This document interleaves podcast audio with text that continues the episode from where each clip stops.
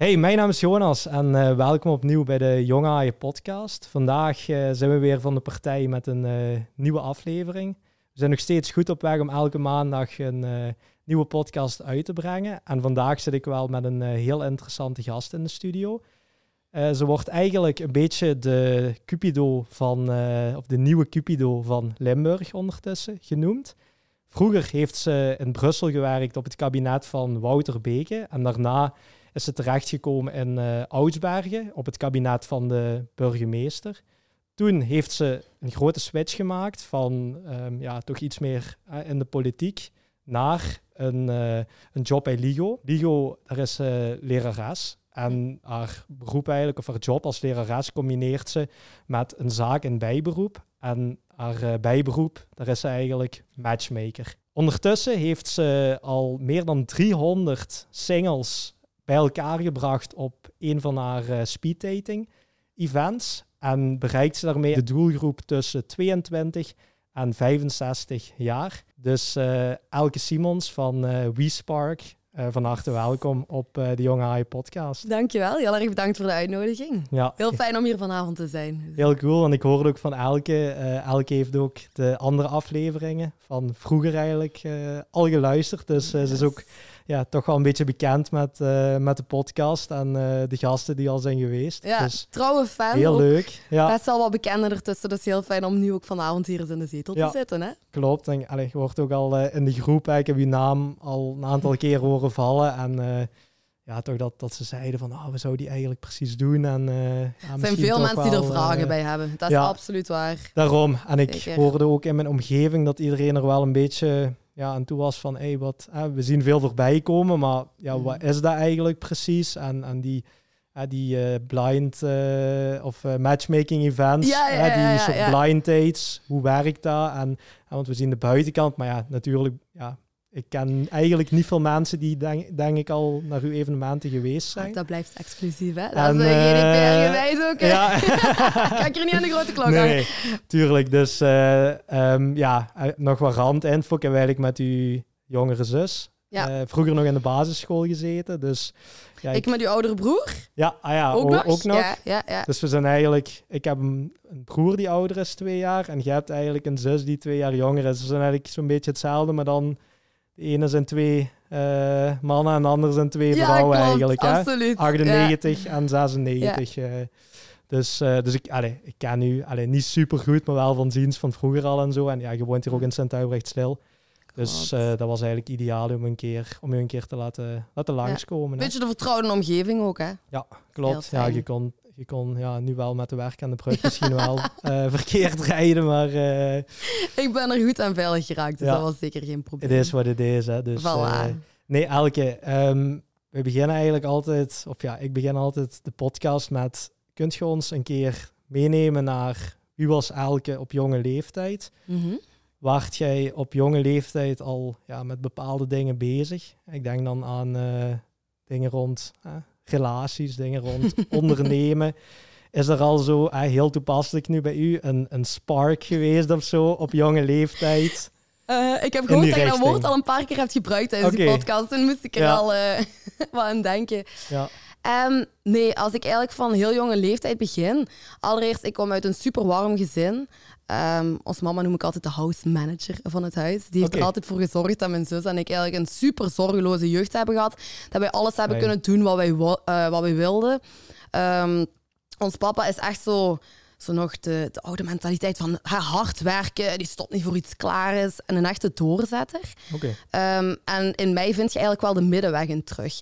In de zin van, ons mama is iemand die zich altijd opstelt in functie van iemand anders en altijd mensen wilt helpen. En ons papa heeft zo meer dat ondernemend kantje in zich. Um, wat zich wel weer spiegelt eigenlijk bij mij al van jongs af aan. Ik ben altijd iemand... In de school zat ik in de schoolraad, in de sportraad. Ja. Ja. Um, ik heb vrijwilligerswerk gedaan bij Autisme Limburg. Ik ben uh, vrijwilliger geweest bij het Buddy Project. Um, ik wou altijd heel veel doen. Ik was altijd een bezige bij. Ja. Um, ook bijvoorbeeld om maar vooral dat sociaal engagement aan te tonen een beetje.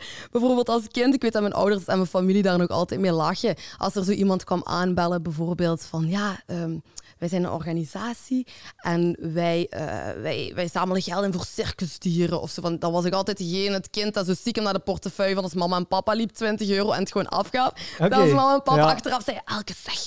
Ja, nee, ja, maar garm die dieren. Of zo, bijvoorbeeld mijn communiegeld, wat ook allemaal toen aan Haiti doorstorten, omdat er toen die aardbeving was geweest. Zo het, het, ik het, het sociale, het, het, het, willen zorg dragen voor anderen zat er altijd heel veel in.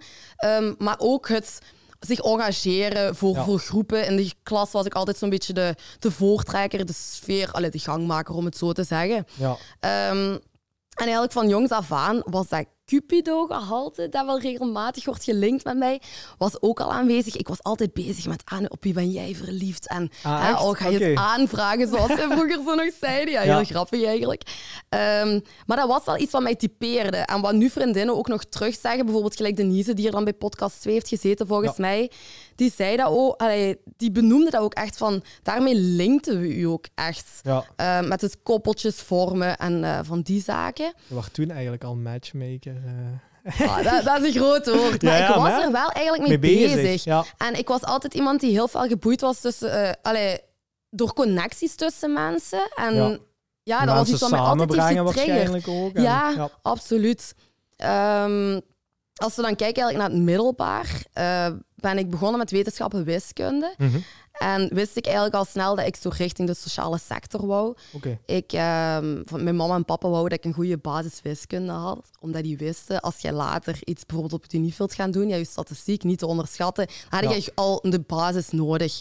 Ja. Um, dus ik heb eigenlijk tot het vierde middelbaar wetenschappen wiskunde gedaan. Dan ben ik heel blij geweest dat ik die omschakeling heb gemaakt naar humane wetenschappen.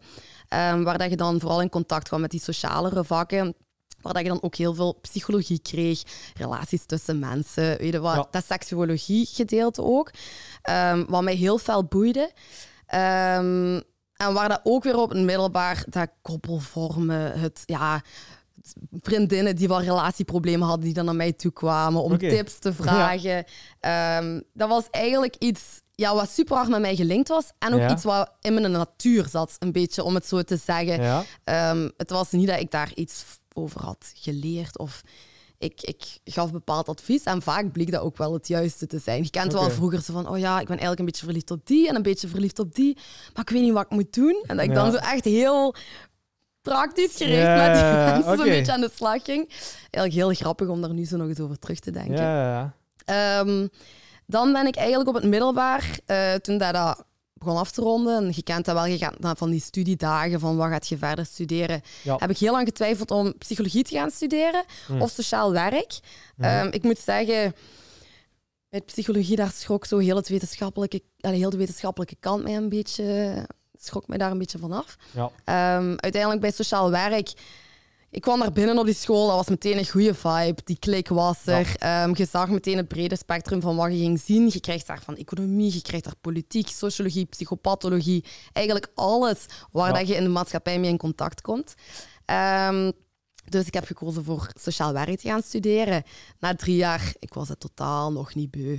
Um, het studeren, hè. Ah, ja, ik, ik, Leuven sprak mij helemaal aan. Um, die, die, die richting sociaal werk had mij echt een beetje zicht gegeven in waar ik mij in wou verdiepen. Omdat je daar met zoveel verschillende vakken in contact komt, um, ja, weet je gewoon echt goed wat je wilt daarna.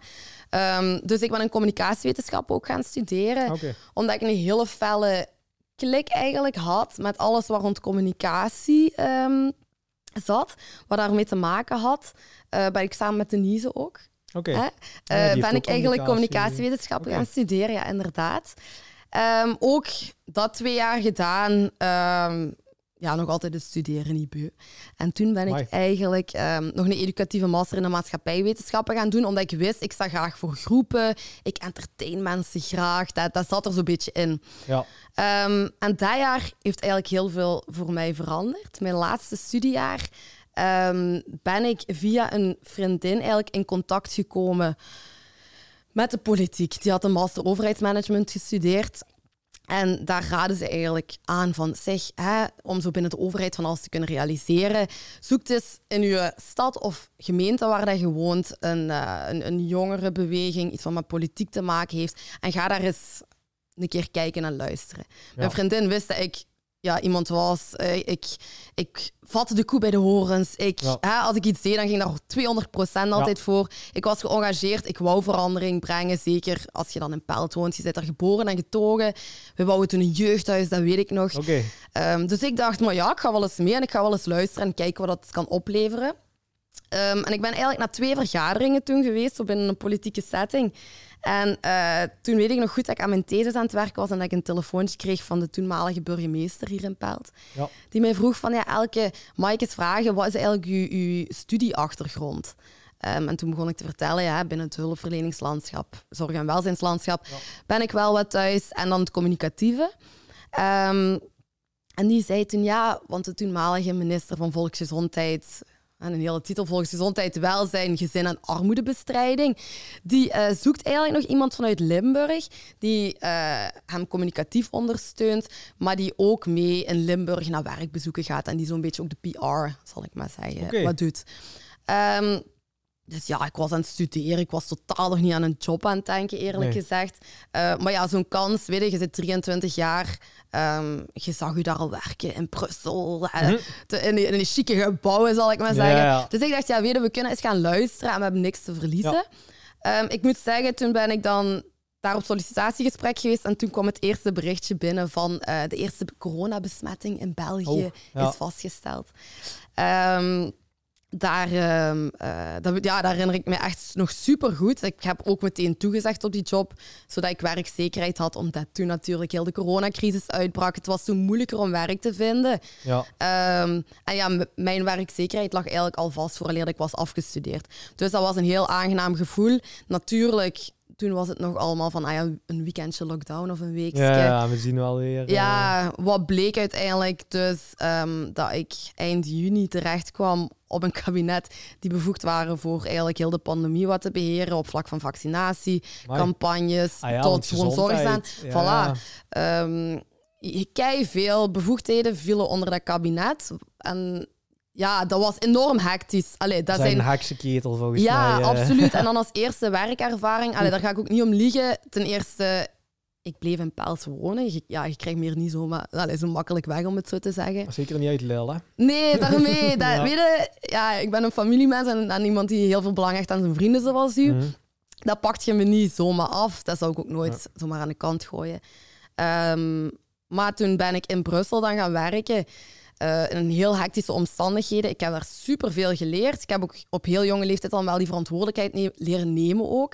Um, en ook gewoon leren doorperen, om het zo te zeggen. Mm Allee, er was geen tijd voor fouten, er was ook geen tijd om te, te twijfelen. Het was gewoon springen. Inderdaad, inwerken zat er... Ja, je werd echt voor de leeuwen gegooid. Okay. Um, maar dat was wel een heel leerrijke ervaring. Achteraf gezien ja. kijk je daarop met heel veel positieve gevoelens naar terug. Um, op dat moment was het vaak afzien. Allee, ja, eerlijk, is eerlijk. Dat is soms echt pittig. Ja, absoluut. Je zit in een, een, een, heel nieuwe setting, een heel nieuwe wereld. Um, je, je krijgt ook langs alle kanten zo van die vragen van... maar wat doet je dat? Allee, snap je? Ja. Wa waarom doet je dat nog? Heel veel mensen echt workaholics tot het duidendste. Ja. Ik ben dat ook, maar ik zou nooit mijn, mijn vrienden of familie op, allee, op twee zetten. Bij mij staan die altijd op één en de rest volgt. Ja. Um, dus ja, het was een heel speciale ervaring, om het zo te mhm. zeggen. Op een bepaald moment begon dat sociaal leven zich terug wat te hervatten. Ja. En, um, oh, dus je hebt wel heel eigenlijk die lockdown en alles, is het er eigenlijk gebleven? Ja, ik heb er anderhalf jaar gewerkt. Oké. Ja, anderhalf jaar. En het interessante was, tijdens die periode eigenlijk, tijdens de lockdown, zijn eigenlijk mijn eerste blind dates begonnen. En dat komt eigenlijk doordat um, ik had vrij veel mensen in de omgeving die vrijgezel waren. En ja, en je kent het tijdens corona, je ziet niet veel volk. Um, wat maakte ook dat er vrij veel mensen ja, wat eenzaam waren, ja. snakten van ja, ik wil eigenlijk ook een partner hebben waar ik een lockdown ja, mee kan. Je zag, je zag al die koppeltjes die tijdens de lockdown allemaal samen ja. super veel tijd doorbrachten en zo. Absoluut. En ik denk dat je je dat niet kunt voorstellen. Allee, ik, was, ik had toen een, allee, ik heb nog altijd dezelfde vriend. Maar als je op die moment vrijgezel waart, dan moet een enorme impact hebben gehad, omdat je effectief alleen dan. Ja, allee, zeker, zeker voor de allee, Er zijn er toch best wel wat, wat vrijgezel die allee, gewoon echt superveel op stap gaan en daarheen ja. en op restaurant en hier en daar. En die overal mensen kennen. oké, die wel alleen zijn. Maar ja, dat valt dan natuurlijk in één keer. Tuurlijk. Ja. Dus eigenlijk was dat het moment. Ik heb toen vragen gekregen in mijn omgeving van ja, elke. je had er vroeger altijd zo'n gezicht op. Wilde jij eens niet mijn zus koppelen? Dat is toen mijn Amai, dus ze wisten wel nog steeds. Zelfs toen jij na corona, dus al eh, je had middelbaar, eh, hogeschool, universiteit, al gewerkt. En toen wisten ze nog steeds dat je zo goed waard. En, eh, Het, eh, ja, het, het is vooral ook mijn zus die dat dan zo motiveerde. Ah ja, hè? Zo van, Ja. ja. maar Elke die had er wel zo'n beetje zicht op. Hè? Die, die, die had er zo een zo'n voeling mix mee. van buikgevoel en, Ja. en zo wat de, de analyse, zal ik maar zeggen, maken. ja. En zo heb ik eigenlijk eens super random twee mensen op blind date gestuurd. Echt gewoon gezegd, zondagochtend om half elf bij het HGVN op dat bankje. Ehm, Ik heb toen wel de ochtend zelf nog een succesberichtje gestuurd. Hè, van veel plezier, je moet je niet Ja. te veel zorgen maken. Ook ehm, twee tips, zal ik maar zeggen, gegeven voor moest het gesprek stilvallen. Dat ze toch nog een bepaald thema hebben om op terug te vallen. ja. Ehm, omdat ik wist dat de zenuwen wel, eh, wel zeker Oké. aanwezig waren. Ehm, en uiteindelijk wonen die nu samen, al Och, een paar jaar. Ja, Zot. ehm, dan ook tijdens diezelfde periode heb ik nog een vriend van mijn vriend en een vriendin van mijn zus op date. Die zijn nu aan het bouwen. Ehm, en zo bleef dat Oh, eigenlijk opstapelen met echt gewoon... En toen was het eigenlijk gewoon...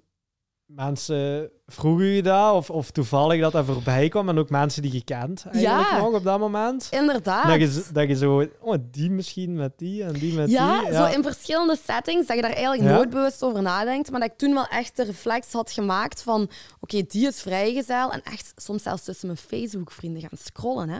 De, ja, zodat ik ooit ja. bij de oudste broer van mijn allereerste liefje op een middelbaar ben terechtgekomen. Om die op blind date te sturen met iemand. Amai. Maar dat dat, dat dat heel ver eigenlijk ging, maar dat dat gewoon zo'n fantastisch gevoel was. Als die Ja. zeiden van, hé, maar dat was kei plezant. Ja. We gaan nog een tweede keer afspreken, dat werd dan een derde keer. En ja, nu uiteindelijk zijn er van die periode wel een, ja, een aantal koppels die nog echt altijd samen zijn en die daar met...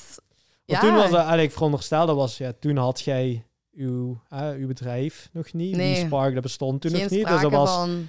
dat was ja, een soort van iets waar je toch nog steeds bezig hield. Ja, of, of, tuurlijk. allee, er zat niks achter. hè. Dat was gewoon, jij die werd gevraagd, hey, jij weet daar veel van of je hebt daar precies altijd goed zicht op. Ja, ja. En jij wist dan gewoon de juiste mensen toch blijkbaar aan elkaar te verbinden. ja klopt. Ja, Eigenlijk, ja, achteraf, als je daar nu over nadenkt, een, een zot gegeven. ja. Ehm, maar wel ja, iets, iets wat mij echt super veel voldoening gaf. ja, ja wel heel Ehm, mooi natuurlijk. Ja, super mooi ook om te zien. Ik heb altijd gezegd van ja, ik moet wel op het trouwfeest uitnodigen. Hè? En als jullie eerste kindjes krijgt, Ja. dan kom ik wel eens kijken. Allee, dan, ja. Eh, maar dat was eigenlijk dan dezelfde periode als ja, heel dat werk op dat kabinet. Mhm. En toen ben ik ook, ehm, ik wist, oh, dat, is- dat blijft zo mijn ding. Ik vind dat zo plezant om te doen. Toen ben ik ook via de avondschool, eh, via het volwassen onderwijs eigenlijk, ehm, nog zo'n opleiding relatie- en single coaching ook gaan volgen. Mhm. Dat ik dan via zelfstudie kon doen. Ik moet eerlijk zeggen, dat stelde niet zo heel veel voor. Het, het heeft me niet heel veel handvaten gereikt, om Mhm. het zo te zeggen. Maar het was wel iets, weet je, wat u wel inzicht gaf in bepaalde zaken en wat wel weer een aanvulling was op mijn buikgevoel, om het Ja. zo te zeggen. Ja, en is er dan zo'n... Allee, ik, ik kan me er weinig bij voorstellen Ja. bij zo'n opleiding. Is dat dan heel wetenschappelijk? Of is dat heel... Allee, of gaat dat over bepaalde theorieën? Of, allee, ik ben helemaal niet thuis in zo het, het matchmaking en dating eh, Ah, gegeven. hè. Snap eh, ik. Ik, denk- ik denk niet heel veel mensen. hoor. nee. nee. Ehm, ja, eigenlijk was dat vrij wetenschappelijk onderbouwd in de zin van, je kreeg daar heel veel inzichten en heel veel verschillende psychologen en sociologen die daar babbelden over welke soort mensen ehm, dat goed bij elkaar pasten. Je hebt relaties waar dat mensen echt complementair zijn, zijn elkaar aanvullen. Mhm. Je hebt ook relaties waar dat mensen eigenlijk heel veel op elkaar lijken en die net door die gelijkenissen naar een hoger niveau worden Ja. getild in een relatie. Dus daar stonden al die mogelijke pistes, zal ik maar zeggen, wel in uitgelegd. Ja. Ehm, nog altijd is het naar mijn mening ook een kwestie van eh, weten welke waarden en normen hebben bepaalde mensen. Ah, ja. Eh, wat zijn prioriteiten in mensen hun leven? Een beetje kijken naar de achtergrond en ook gewoon de sfeer rondom de persoon voelen. Als je begrijpt wat ik bedoel. Mhm. Ehm, dat dat nog altijd heel belangrijke factoren zijn die naar mijn mening wel echt de doorslag kunnen geven of dat mensen werkelijk een match zijn of niet. Ja. Ehm, maar die opleiding heeft me daarvoor wel een bepaalde basis gegeven, Ja, om het zo te zeggen. Mhm. Ehm, toen heb ik dat dus eigenlijk gecombineerd met dan die job op het kabinet in Brussel. Ehm, de eerste lockdown begon zo wat, de regels begonnen wat te versoepelen. Ja, ja en ik ben een sociaal beest. Ehm, in de zin van het sociaal leven begon terug op gang te komen. Ja, geen haar op mijn hoofd daar nog aan dacht. Om iedere dag 4 uur en 40 minuten onderweg te zijn hè, naar mijn werk.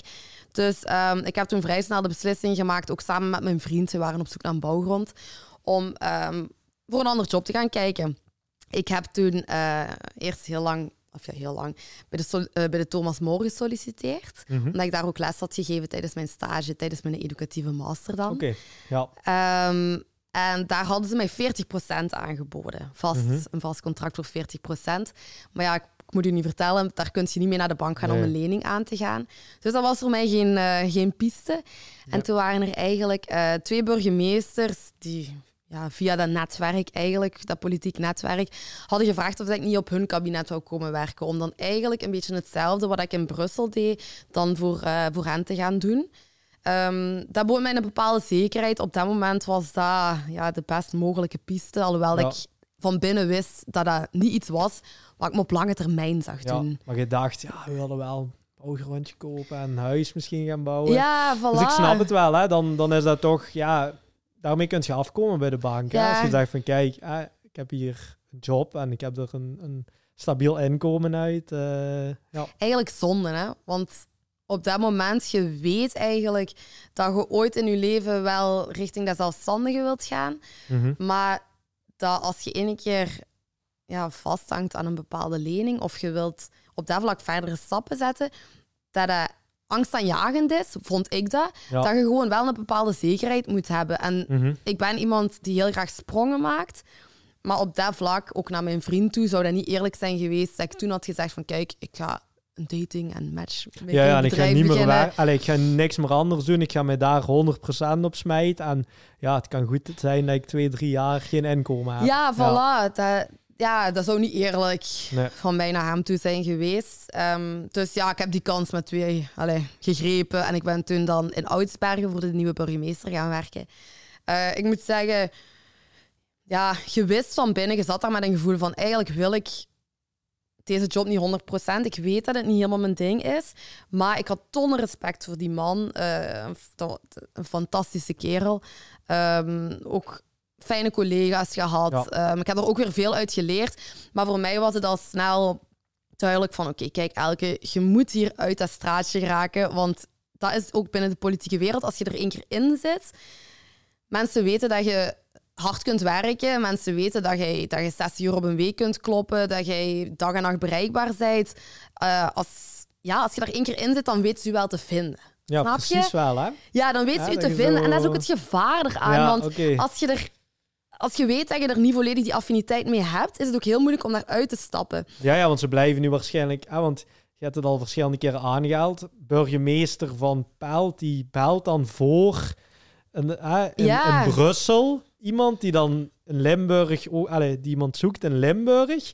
Hè, en dan komt je weer in contact met dan een Oudsbergen, de burgemeester. Ja, dus, absoluut. Het, het ding is aan aan mij is ook, ik ben iemand die heel hondstrouw is, die mensen ook niet graag teleurstelt. Mhm. Ehm, wat dan ook weer natuurlijk het neveneffect heeft dat je ergens soms te lang blijft hangen en uit schrik Ja. niet vertrekt omdat je iemand niet wilt kwetsen. Mhm. Ehm, totdat ik dan eigenlijk een voorstel kreeg van iemand allee, die mij zei: Elke, wij zijn binnen LIGO dan eigenlijk op zoek naar Ja. nog een lesgever die heel veel die affiniteit heeft met het sociaal werkveld, die eigenlijk hulpverlener is, maar die ook goed voor groepen staat en het goed kan uitleggen en hè, dat gedeelte.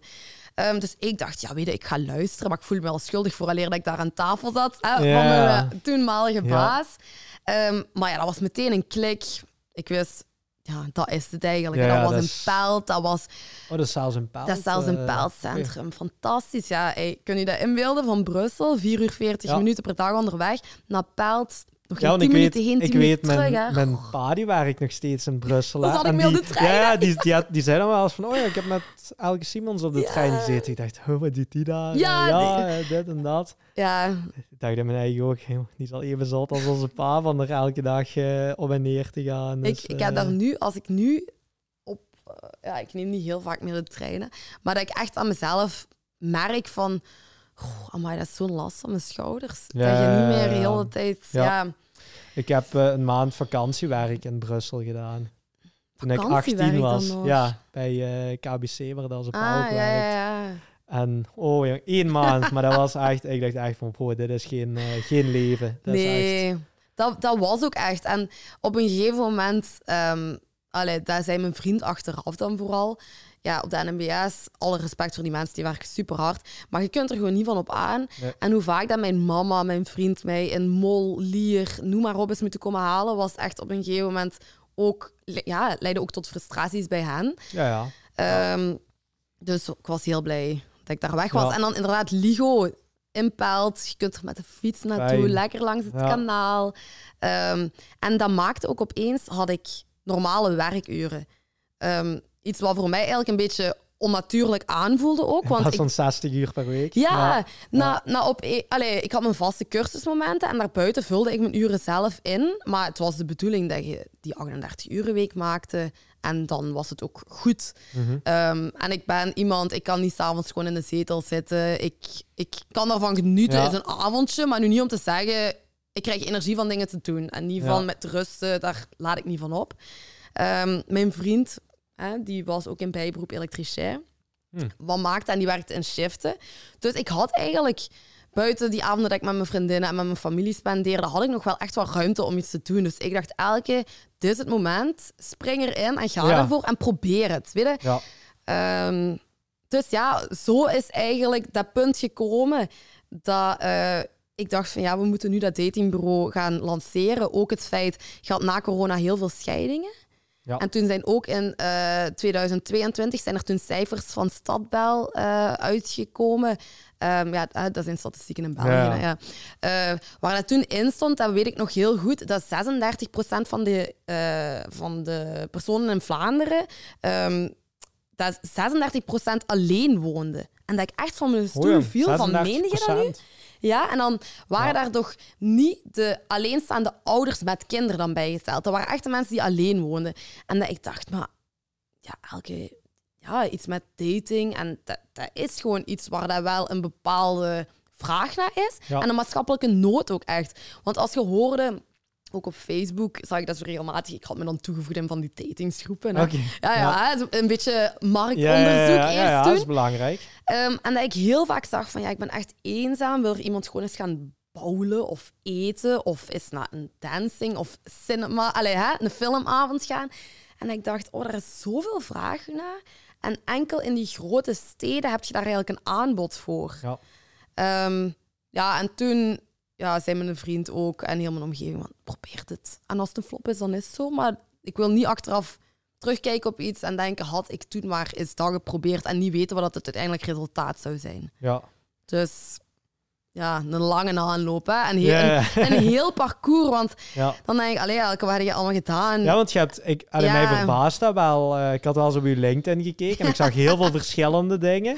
Ja, Ja, die komen hier nu ook weer terug, maar Ja. ja, allee, je zei het nu, even denken, 27, 28? 27. Ja. 27. Ik denk dat de meeste 27-jarigen nog niet zoveel verschillende dingen allemaal hebben gedaan. Hè? Nee, Dus- ja, En, klopt. en wat ik dan ja, een beetje merk is van, allee, Elke Simons begon met allee, echt voor de leeuwen gegooid, 60 Mhm. uur per week, misschien zelfs nog meer, keihard werken. Allee, corona, alles is moeilijk, maar Ja. zo'n beetje in de politiek gerold, op eh, eh, allee, een ander kabinet dan ook nog Mhm, terechtgekomen. klopt. Maar ik denk dat je ondertussen wel zo besefte van, ja, maar hè, dan, dan, als we je verhaal zo horen, als je terugkijkt naar elke op jonge leeftijd, dan zie je daar heel erg zo het ding van mensen bij elkaar brengen, Mhm. dat engageren, hè, maar ook zo allee, mensen die het misschien wat minder goed hebben, Ja. hè, centjes geven of, of hè, van alles. Dus, en dan zit je het eigenlijk zo je verhaal evolueren naar, hey, nu kom je bij LIGO terecht, waar je ja, toch denk ik meer dat maatschappelijke Fantastisch. hebt. Ja, absoluut. En dan merk je van, hé, maar...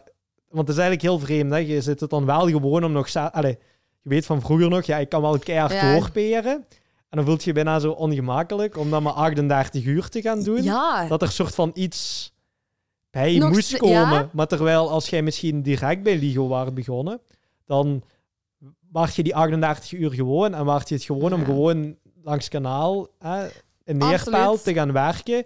En na die 38 uur had je misschien gedacht, oké, ja, dit is het is leven het, en zo ja. is het goed geweest dan. eh. dat is ook. Dat is dus dat is...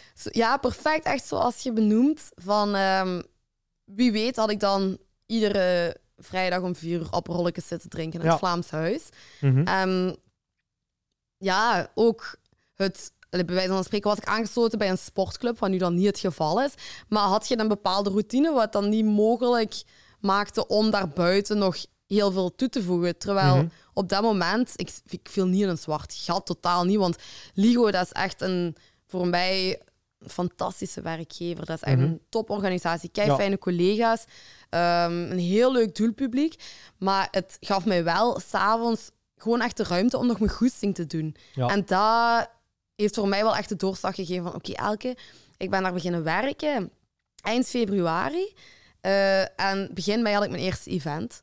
Gewoon echt... Oké. Ja, ik, ehm, ben, ik weet echt nog dat ik de week dat ik daar ben beginnen werken, dat ik ben begonnen met brainstormen rond de naam. begon ze al te jeuken. Zo, tje, Ja, tje, ik ben om eh, half zes thuis. Ja, eh. dat was echt... ja. Ja, en het idee ook, omdat dat al speelde, van, dat ik toen die opleiding had gedaan via het, ehm, via het volwassen onderwijs rond single- en Ah, ja, relatiecoaching. want je had dat al na uw studie op de UNIF gedaan? Ja, of, eh, tijdens het ah, kabinetperiode ja, ja, had ik ja, daar ja, er nog ja, bij ja. gedaan. Dus in principe, ik wist, ik heb die titel. Ehm, dus ik zou dat ook gewoon ieder moment alleen mee kunnen starten, zonder daar Ja. nog iets extra voor te doen. Dus dat zat Ehm, ergens toch zo al in je achterhoofd. Maar ja, zo wat, eh, ik had het al helemaal tot in detail eigenlijk uitgedokterd. Allee, ja. snap je? Ehm, je zat al in de datinggroepen, zoals je zei, op Ja. Facebook. En, en waar is vraag naar? En, en wat voor mensen zijn? En, Absoluut. En zoals Ja. gaan neuzen, met bestaat dat hier Dat nog in goed, de hè? buurt? En je kwam dan vooral bij Hasselt, Antwerpen, Leuven leuk. uit. Ehm, terwijl dat ik dan dacht, ja, ik hoor van superveel mensen, we zijn gehecht aan onze thuisbasis. ehm, het, het ah, die- je wilt niet naar. Hasselt. Je wilt niet naar Hasselt of je wilt niet naar Antwerpen. Nee. Ehm, en dat ik echt merkte dat daar nog een niche, allee, dat daar nog wel een markt voor was. was. Ja. Tuurlijk. En ja, dan ben ik eigenlijk beginnen brainstormen over namen, over kleuren. Eh, heb ik mijn eigen website gemaakt. Heb ik eh, ja, op zoek gegaan naar de boekhouder. Ja, je kent de typische stappen natuurlijk. Hè.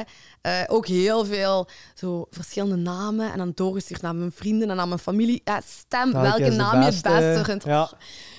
Ja, maar het is wel, het is wel leuk, hè, want allee, ik vind het ook leuk dat, ehm, daarmee wou ik heel graag ook hebben nu, van, Ja. jij zit een bijberoep gestart. Hè? Er zijn, ik denk de meeste die hier zijn geweest, die hebben ja, misschien heel even een bijberoep en dan redelijk snel naar hoofdberoep gegaan. Ja. Maar ja, dat is natuurlijk een, een groep, denk ik, die wij ook bereiken met de podcast, die Ja. ja. eigenlijk al werkt ergens. Hè?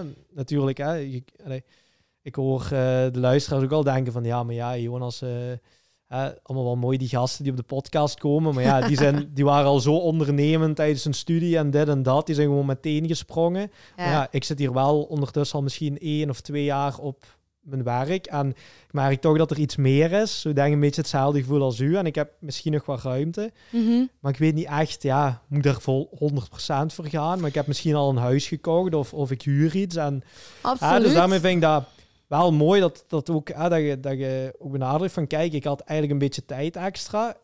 Ik zag dat zitten om een bijberoep te doen. Mhm. Oké, dan wist ik, ik heb niet meer die lange avonden waar ik tijd heb voor allerlei soorten sportactiviteiten en hobby's. Ik heb wel gewoon zin om gas te geven. Hè. Je Ja. zit nog jong en, en je merkt toch dat er iets wat, meer. ja. Ja. Tuurlijk. Ja. En ik denk ook het, ehm, het, het, het verschil ook misschien een beetje ten opzichte van sommige voorgaande ook. Ehm, het feit van, ik had wel een, een grafische opleiding zo ooit gehad. Hè, Ah, oké. zo, ja, Ja. Zo, maar het stelde ook niet heel veel voor, ja. maar zo echt de basics. Ehm, dus ik kon mijn plan zo wel een beetje trekken, maar ik had geen bijvoorbeeld in mijn familie is niemand ondernemer of zo. Snap je? Ja. Het is wel iets dat, en dat miste ik op sommige momenten eigenlijk misschien wel een beetje iemand die zo mij op sleeptouw nam. Die zei van, kijk Ja. Elke, nu ga je dit doen, dat is de volgende stap.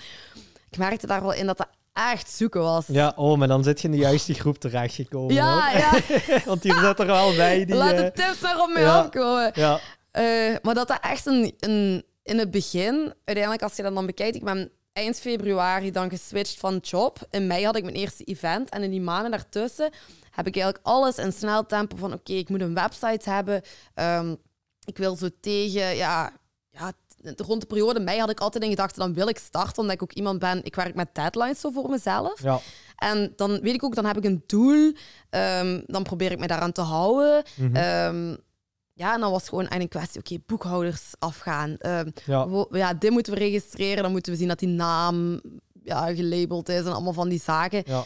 Ehm, dus dat was wel een hele zoektocht om zo Ja, alleen uit eh ja, ja, te want allee, ik, heb, ik heb eigenlijk ook iets vergelijkbaars gehad. Ik kom ook ja, helemaal niet uit een ondernemende Mhm. familie. En ja, ik kende eigenlijk ook niet echt Ja. ondernemers. En dan, ja, dan, dan allee, ik weet niet hoe dat, dat bij u was, maar ik had dan wel zo'n beetje zo in mijn familie en omgeving zo, ja, en gaat je, gaat je een eigen zaak starten? En ja, hoe werkt dat allemaal? En eh, ja, moet je dan een boekhouder gaan zoeken? En, en ja, ik ken daar ook niet alles van. En, en allee, dan is dat wel, ik heb, Ja. ik heb ook mensen gehad die er zijn geweest, ja, die hun ouders waren al ondernemer of... eh, die hadden een boekhouder in de familie of de pa die was eh, ja.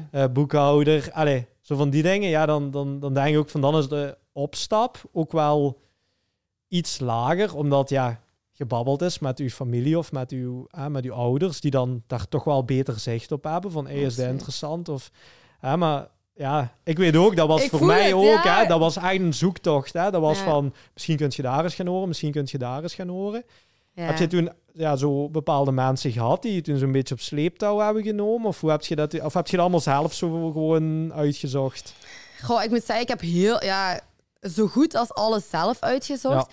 Ik heb ehm, destijds tussendoor ehm, nog heel even, ja, dan zul je weer denken, daar gaat er nog iets bij. Hè? Maar ehm, toen ik op het kabinet in, eh, voor de burgemeester in Oudsbergen werkte, heb ik als freelancer nog voor een communicatiebedrijf een opdracht gedaan. Dat was een mevrouw die ooit toenadering had gezocht, ehm, die wel een echte onderneemster eigenlijk, die Mhm. van jongs af aan al aan het ondernemen was, waar ik eens mee was gaan samenzitten en die zei van, Elke, wat doe je in loondienst? Allee, van, kom, je bent echt iemand, ga voor jezelf werken, durf die sprong te wagen.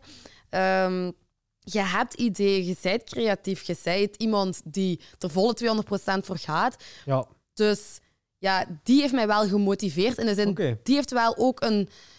Ja, me niet totaal niet gepusht, maar mij wel aangezet om te beseffen van... Ah ja, eigenlijk, Ja. het kan wel.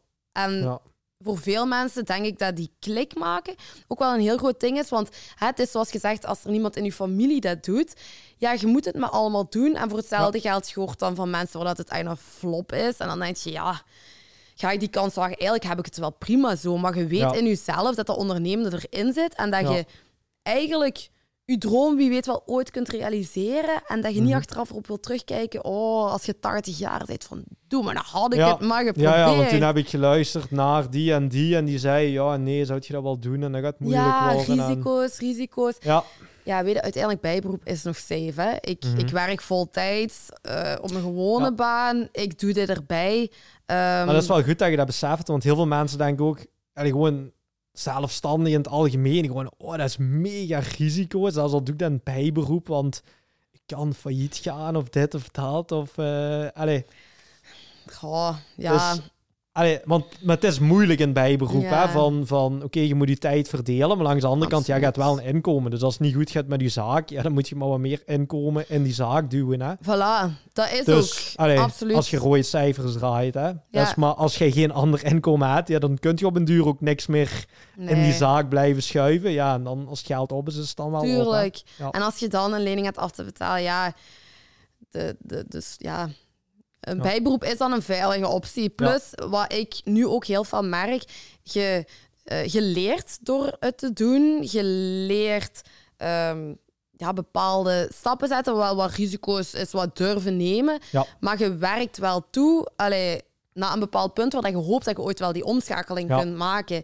Ehm, maar het is ook niet erg om dat in bijberoep Nee. te beginnen en om eens wat af te tasten wat ligt mij. Want voor hetzelfde geld ehm, ja, vond ik het niet leuk. Allee, Ja, ja, of, of Eh, was het niks? was of, het niks? Sloeg je niet aan? Nee. Absoluut. Dus, maar je weet het niet totdat je het probeert. Voilà. En dan vind ik dan wel leuk dat je zegt van, hé, maar ik had toen wel zo een persoon, want dat is dan, Ja. ja. er is toch, ik heb dat ook gehad, hè. ik ben toen echt zo gaan zoeken van, ah, zijn er niet bepaalde ondernemers die misschien eens met mij ja, gewoon willen gaan babbelen, want, allee, dat is maar een, een grappig voorbeeld waar ik nu aan denk. Ik had ehm, gisteren bijvoorbeeld op Instagram een bericht gekregen van iemand, die Ja. was, ehm denk tweede jaar eh, universiteit aan toen.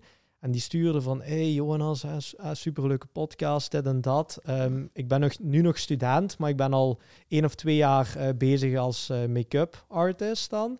En eh, wow, ik had echt gehoopt dat toen ik zeg maar die stap ging wagen om dan ja, zelfstandig in bijberoep te worden, Ja. dat ik zo'n podcast had om dan zoal ervaringen en struggles van jonge ondernemers te horen, om mij dan zo net dat pushje te geven om, ja, om daarmee te beginnen. En, en, en, en ik weet ook, want toen dacht ik wel van wow, dat is wel een super mooi compliment, want ik weet ook hoe Absoluut. belangrijk het ook voor mij was. En dan ja, eigenlijk blijkbaar voor de meesten die starten, van dat er toch ergens iemand of een persoon is die zegt van, hé jong, hè, maakt niet uit wat al die mensen zeggen, Ja. ik ben ondernemer.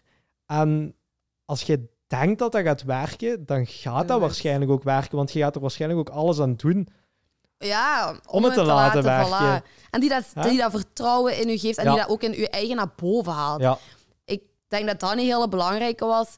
Eh, mijn omgeving, allemaal topmensen, maar Mhm. gewoon iemand die daar buiten staat en die het zo ziet in u. Die zegt, maar allee, p- doe het Ja, gewoon. ja, En dat is, die ene persoon kan zoveel het verschil maken. klopt. Ehm, ja, dat had je gewoon echt nodig. Want als ik daar nu over nadenk, over die vraag... ehm, voor de rest, er is niemand eigenlijk die mij op sleeptouw heeft genomen.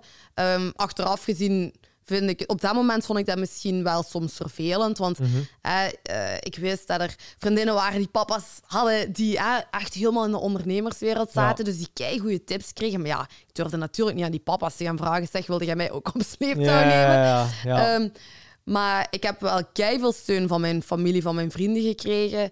Ehm, ik ben ook achteraf misschien wel blij dat ik het ook zelf heb moeten uitzoeken. Want nu weet je ook wel, als je een tweede iets of zo wilt oprichten, van wat de stappen zijn. En dan zijn je niet afhankelijk van iemand Exact. anders.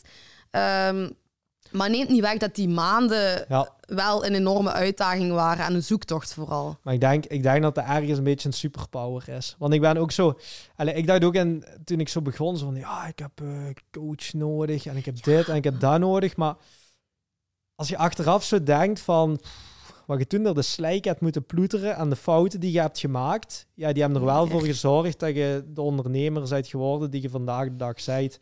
En misschien als je die dingen, ja, die fouten niet had gemaakt... Door de, allee, iemand anders dan misschien... Dan had gezegd, hey, kijk hier of dit. Ja, dan... dan Oké, dan had je dat misschien gezien en had je wat sneller kunnen starten. Maar dan, ja, wilt je bijvoorbeeld... ah, je doet iets en je ziet een andere kans en je wilt daar ook opstarten. Ja, En dan maak je bijvoorbeeld die fout wel, omdat je er dan ja, ja u niet bewust van waart. niet bewust van ja, zijt. Of, of dat er toch een andere fout is, maar deze keer denkt van... Ja, maar nu eh, ga ik geen tips meer vragen, want ik heb dat alles gedaan. Ja. En dat je dan misschien wel... Allee, dus dan... Allee, het is zo wat dubbel, hè. Ja. Het is zo... Langs de andere kant vraag ik me af van... Is het, is het dan uitstel van executie? Of kun je beter de, de executie de eerste keer hebben? Ja, Dat je het dan de tweede keer niet meer doet? voilà. Allee, maar ja, meestal gaat het dan de tweede keer al, dan ziet je het al groter en dan gaat het meer over, allee, vaak over meer geld en zo. Dan is dat nog pijnlijker. Maar ik denk dat dat wel ergens, ja, van ergens moet er iemand zijn die je toch een beetje dat vertrouwen vooral Ja. geeft. Hè? Ze moet nu, allee, je moet, niet, je moet niet als ondernemer iemand hebben die zegt van, oh ja, en je moet dit doen, en dan moet je dat doen, en dan moet je dat doen, en dan moet je dat doen. Want dan gaat je zelf nooit dingen leren uitzoeken. Nee. En uiteindelijk, allee, er is niks zo mooi als, ja, zoek maar zelf uit. Waarmee moet je in orde Ja. zijn? Hoe vraag je je BTW-nummer aan? Eh, eh, krijg je nog dit? Krijg je nog dat? Eh, waar moet je allemaal gaan aankloppen? Dat is ook. Ja, dat je met alles Ja. in orde bent. Hè? Dat is Eh, echt, allee, ik, ik zou het ook echt omschrijven als ja, echt uw plan leren trekken. En ja, zoek het uit, doe het. ehm, en, ja, en probeer het. En het is trial and error. Of, Ja. ah, zoals ze zeggen, van, je probeert dingen, soms mislukt het. Ja, dan probeer het opnieuw. En dan hoop je dat je het dan wel juist zit. En ja, Ja. Maar dat is een, denk ik, ja, weet je, dat is, een, dat is een belangrijke skills om als ondernemer te hebben. Altijd denken in mogelijkheden en niet van, oh, of, eh, het is niet gelukt. eh, ja, nu ga ik hier in het hoekje zitten wenen. Ja, Dan gaat het dat niet er meer niet meer veel opgelost ondernemen- Nee, geraken. hè. absoluut. Dus, eh, dat is ook. dus ik denk dat je wel ergens zo, ja, niet meer in die, in die problemen, maar meer in mogelijkheden moet denken. En Ja. Ah, wees nu eerlijk, vandaag de dag, je hebt internet, je hebt zoveel informatie ter beschikking. Ja, vroeger denk ik, als je een eigen zaak wil oprichten, ja, je moest overal langs rijden en papiertjes gaan tekenen. En, en oké, dus in sommige gevallen is dat nog steeds, als je vennootschap wilt oprichten, moet je nog naar, naar de notaris en zo. Maar ik denk dat je, allee, een eenmanszaak kunt je volgens mij gewoon al bijna volledig online tegenwoordig zelfs Ja. oprichten. En allee, zeker nu na corona hebben ze dat denk ik nog wat, wat meer gedigitaliseerd. En ja, dat betekent dus letterlijk als ik vandaag beslis om zelfstandige te worden, dat ik over twee of drie dagen in principe zelfstandige zou kunnen worden. Hè? Dat ging je- super snel. ja. ja. En als je dan een boekhouder vindt ehm, waar dat je op je gemak bij voelt, wat Ja. voor mij ook wel iets was, ik dacht bij alles wat ik vraag van, oh, nu kom ik echt stoem over misschien. Ja, Allee, zo van, ja, dat ik altijd al tien stappen verder denk ja, en dat dat bij de boekhouder er ook echt uitkwam. Dat hij ook echt op een duur moest lachen van, amai, met welke heb komt jij al... mee eh, af? ja, ja. Maar dat ik dacht, ja, ik wil me hier niet laten... Allee, snap je? Dat je Ja, al bewust werd van... Ja, eh, hoe moet ik dat doen? Maar dat is En- ergens goed, hè, want ik weet, Ja. ik was ook zo. Hè. Ik, ik was al bezig van, ah ja, en dan sociale bijdragen. Ja, ik weet dat die na drie jaar worden die opnieuw berekend. Ehm, hoeveel loon ga ik dan mijn eigen uitkeren? Dat ik dan niet in één keer over drie jaar eh, een verrassing krijg. Dus dan moet ik ook al mijn Mhm. sociale bijdragen, zoveel elk kwartaal storten. Want anders krijg je over drie jaar in één keer een herberekening. En dan moet je in één keer nog zoveel duizend euro Ja, erbij ja. gooien. En ik had dat allemaal gevraagd en ik heb er nog steeds miserie gehad. Dus, eh allee, Dat zijn van die dingen. je denkt, ik moet me op alles voorbereiden, maar dat zijn toch zo van die dingen. Ja, dat loopt hoe dat het loopt en Ja. soms met schade en schande. En, eh, Nou, en dat is gewoon ook Ja. even een periode denk ik, waar je door moet. Ja, Ehm, en dat je dan ook moet beseffen dat dat bij niemand vlekkeloos gaat. Ehm, en als je het dan combineert met voltijds werken, dat het gewoon ook echt een uitdaging is. Vind een job waar dat je echt ja, je, je leven mee in balans al hebt. mhm, Ehm, en waar dat gewoon ook nog echt een extraatje bij kan. ja. Ehm, ik merk nu van mijn job, ik haal er veel energie uit. En die energie steek ik dan weer in mijn bijberoep, haal ik weer energie uit. Daar vind ik dan ook de energie om, hè, om op die bouw te werken. Ehm, om, ja, om met vrienden en familie af te spreken. nog. En ik ben ook echt iemand, bijvoorbeeld mijn grootouders, ik zie dat ik die drie keer in de week zie. Hè. Allee, Oh. Snap je? Ehm, het moest ik uitgeput geraken door, door mijn hoofdberoep of mijn bijberoep, ja, dan zou Ja. dat allemaal niet gaan. Dus ik denk dat dat ook echt een hele belangrijke is, dat je daar die juiste energie uit haalt en dat je ja, het nog allemaal kunt balanceren, want anders... Ja, want dat vind ik wel, maar dat is een grote tip, hè, dat je zegt van, als je beslist om zelfstandig in bijberoep te worden, ja, zorg dat je je, ja, je hoofdberoep, dat dat iets is waar dat je toch de minste energie van krijgt. Ja. Of, of hè, waar dat je niet s'avonds thuis komt, helemaal uitgeblust, zoals spijtig genoeg Heel, veel mensen een hebben... heel groot deel van, van de bevolking, hè, die echt pff, thuiskomen, oh, het was weer dit op het werk, het was weer dat. Hè? Ja. En dan ja, typisch zo eh, heel veel klagen en zagen en van hoe slecht dat.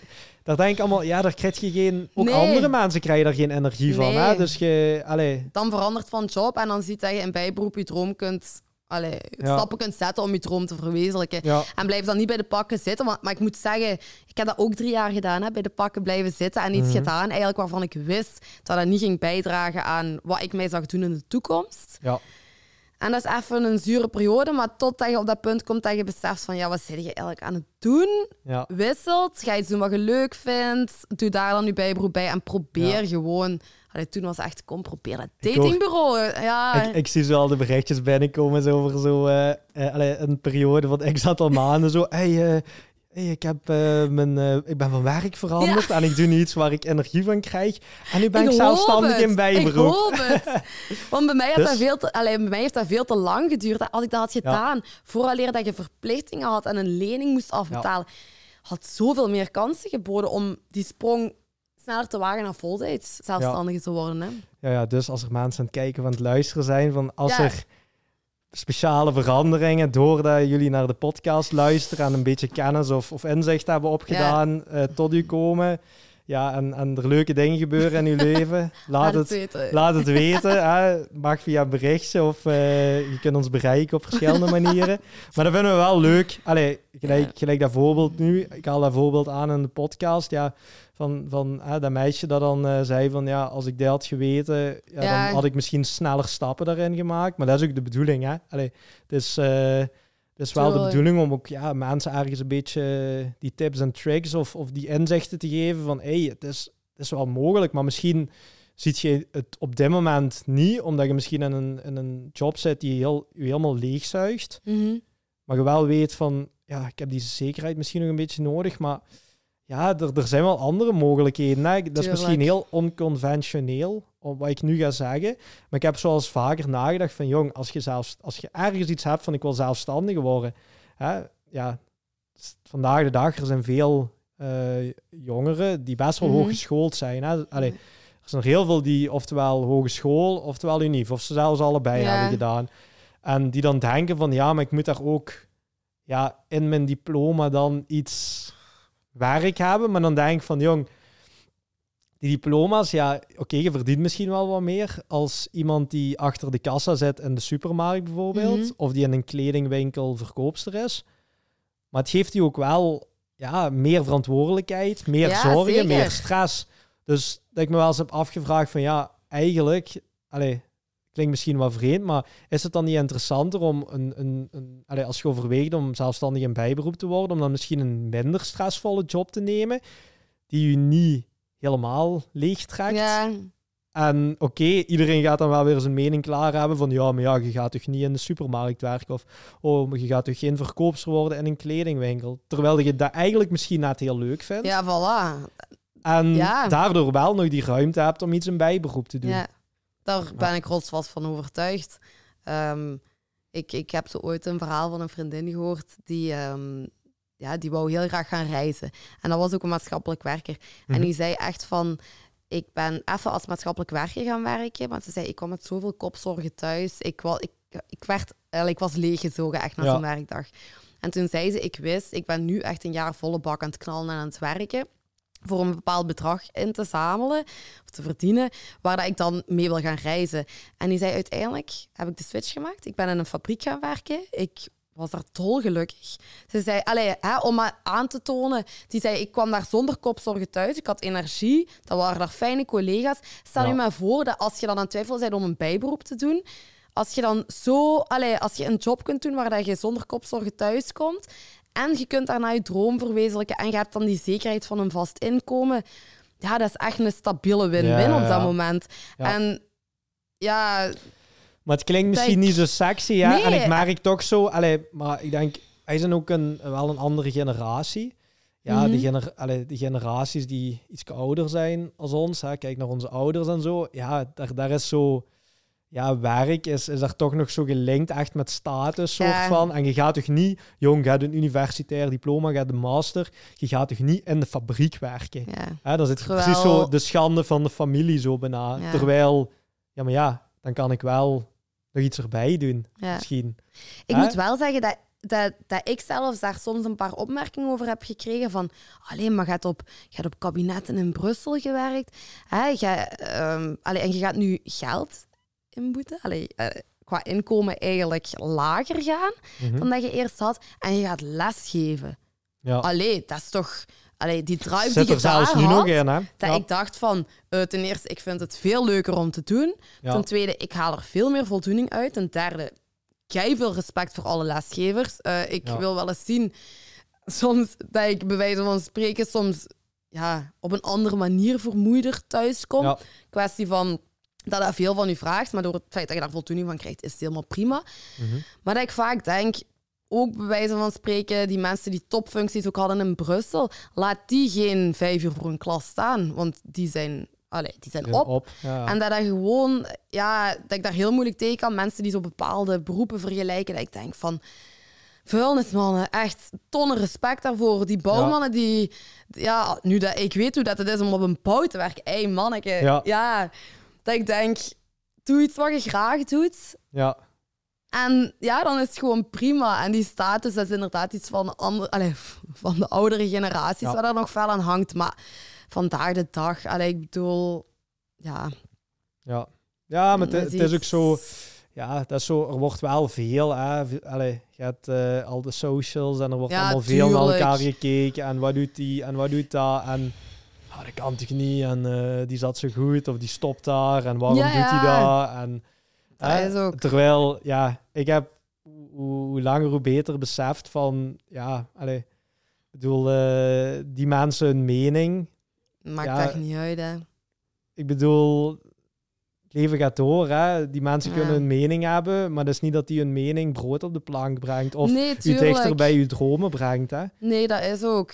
En je Dus- gaat uiteindelijk voor jezelf moeten uitmaken wat dat voor u prioriteit is. Ja. En ik denk eh, bij onze leeftijd dat veel mensen gewoon je geluk en je, ja, iets doen wat je graag doet, dat dat vandaag de dag prioriteit is. Ja. En dat het niet meer is van eh, je moet, ja, je moet keihard werken. En dat doen wij ook, hè. Maar niet meer van alles moet. En ook al vind je het niet leuk, je blijft dat maar doen, want je zit daar Ja. goed en je zit daar een beetje vastgeroest. Nee, nee, als je het niet leuk vindt vandaag de dag, Ja. mensen die net starten, ik denk niet, ik denk dat het gemiddeld misschien op twee jaar ligt dat je in je eerste bedrijf of je eerste job doet en Ja. dan verandert je. Ja. En ja, Maar dat is, ook, dat is ook zo de moeilijkheid. Hè? Maar dat is ook allee, door natuurlijk de omstandigheden op de arbeidsmarkt. Ja, er is gewoon echt heel veel vraag naar goede mensen. ja, tuurlijk. En ja, alle bedrijven die zitten te azen op personeel. Ja, dan is natuurlijk, als je twee jaar hebt gewerkt, je hebt wel ervaring en is misschien toch niet helemaal je ding, ja, dan is het gewoon wel makkelijker om over te stappen. Ja. Terwijl dat het ik vroeger was. Ja, vroeger moest je blij zijn als je werk had. tuurlijk. En ja, dat speelt ook wel natuurlijk. Allee, we zijn ook opgegroeid, denk ik, in, in, in een wereld waar dat heel veel kon. En, en Mm.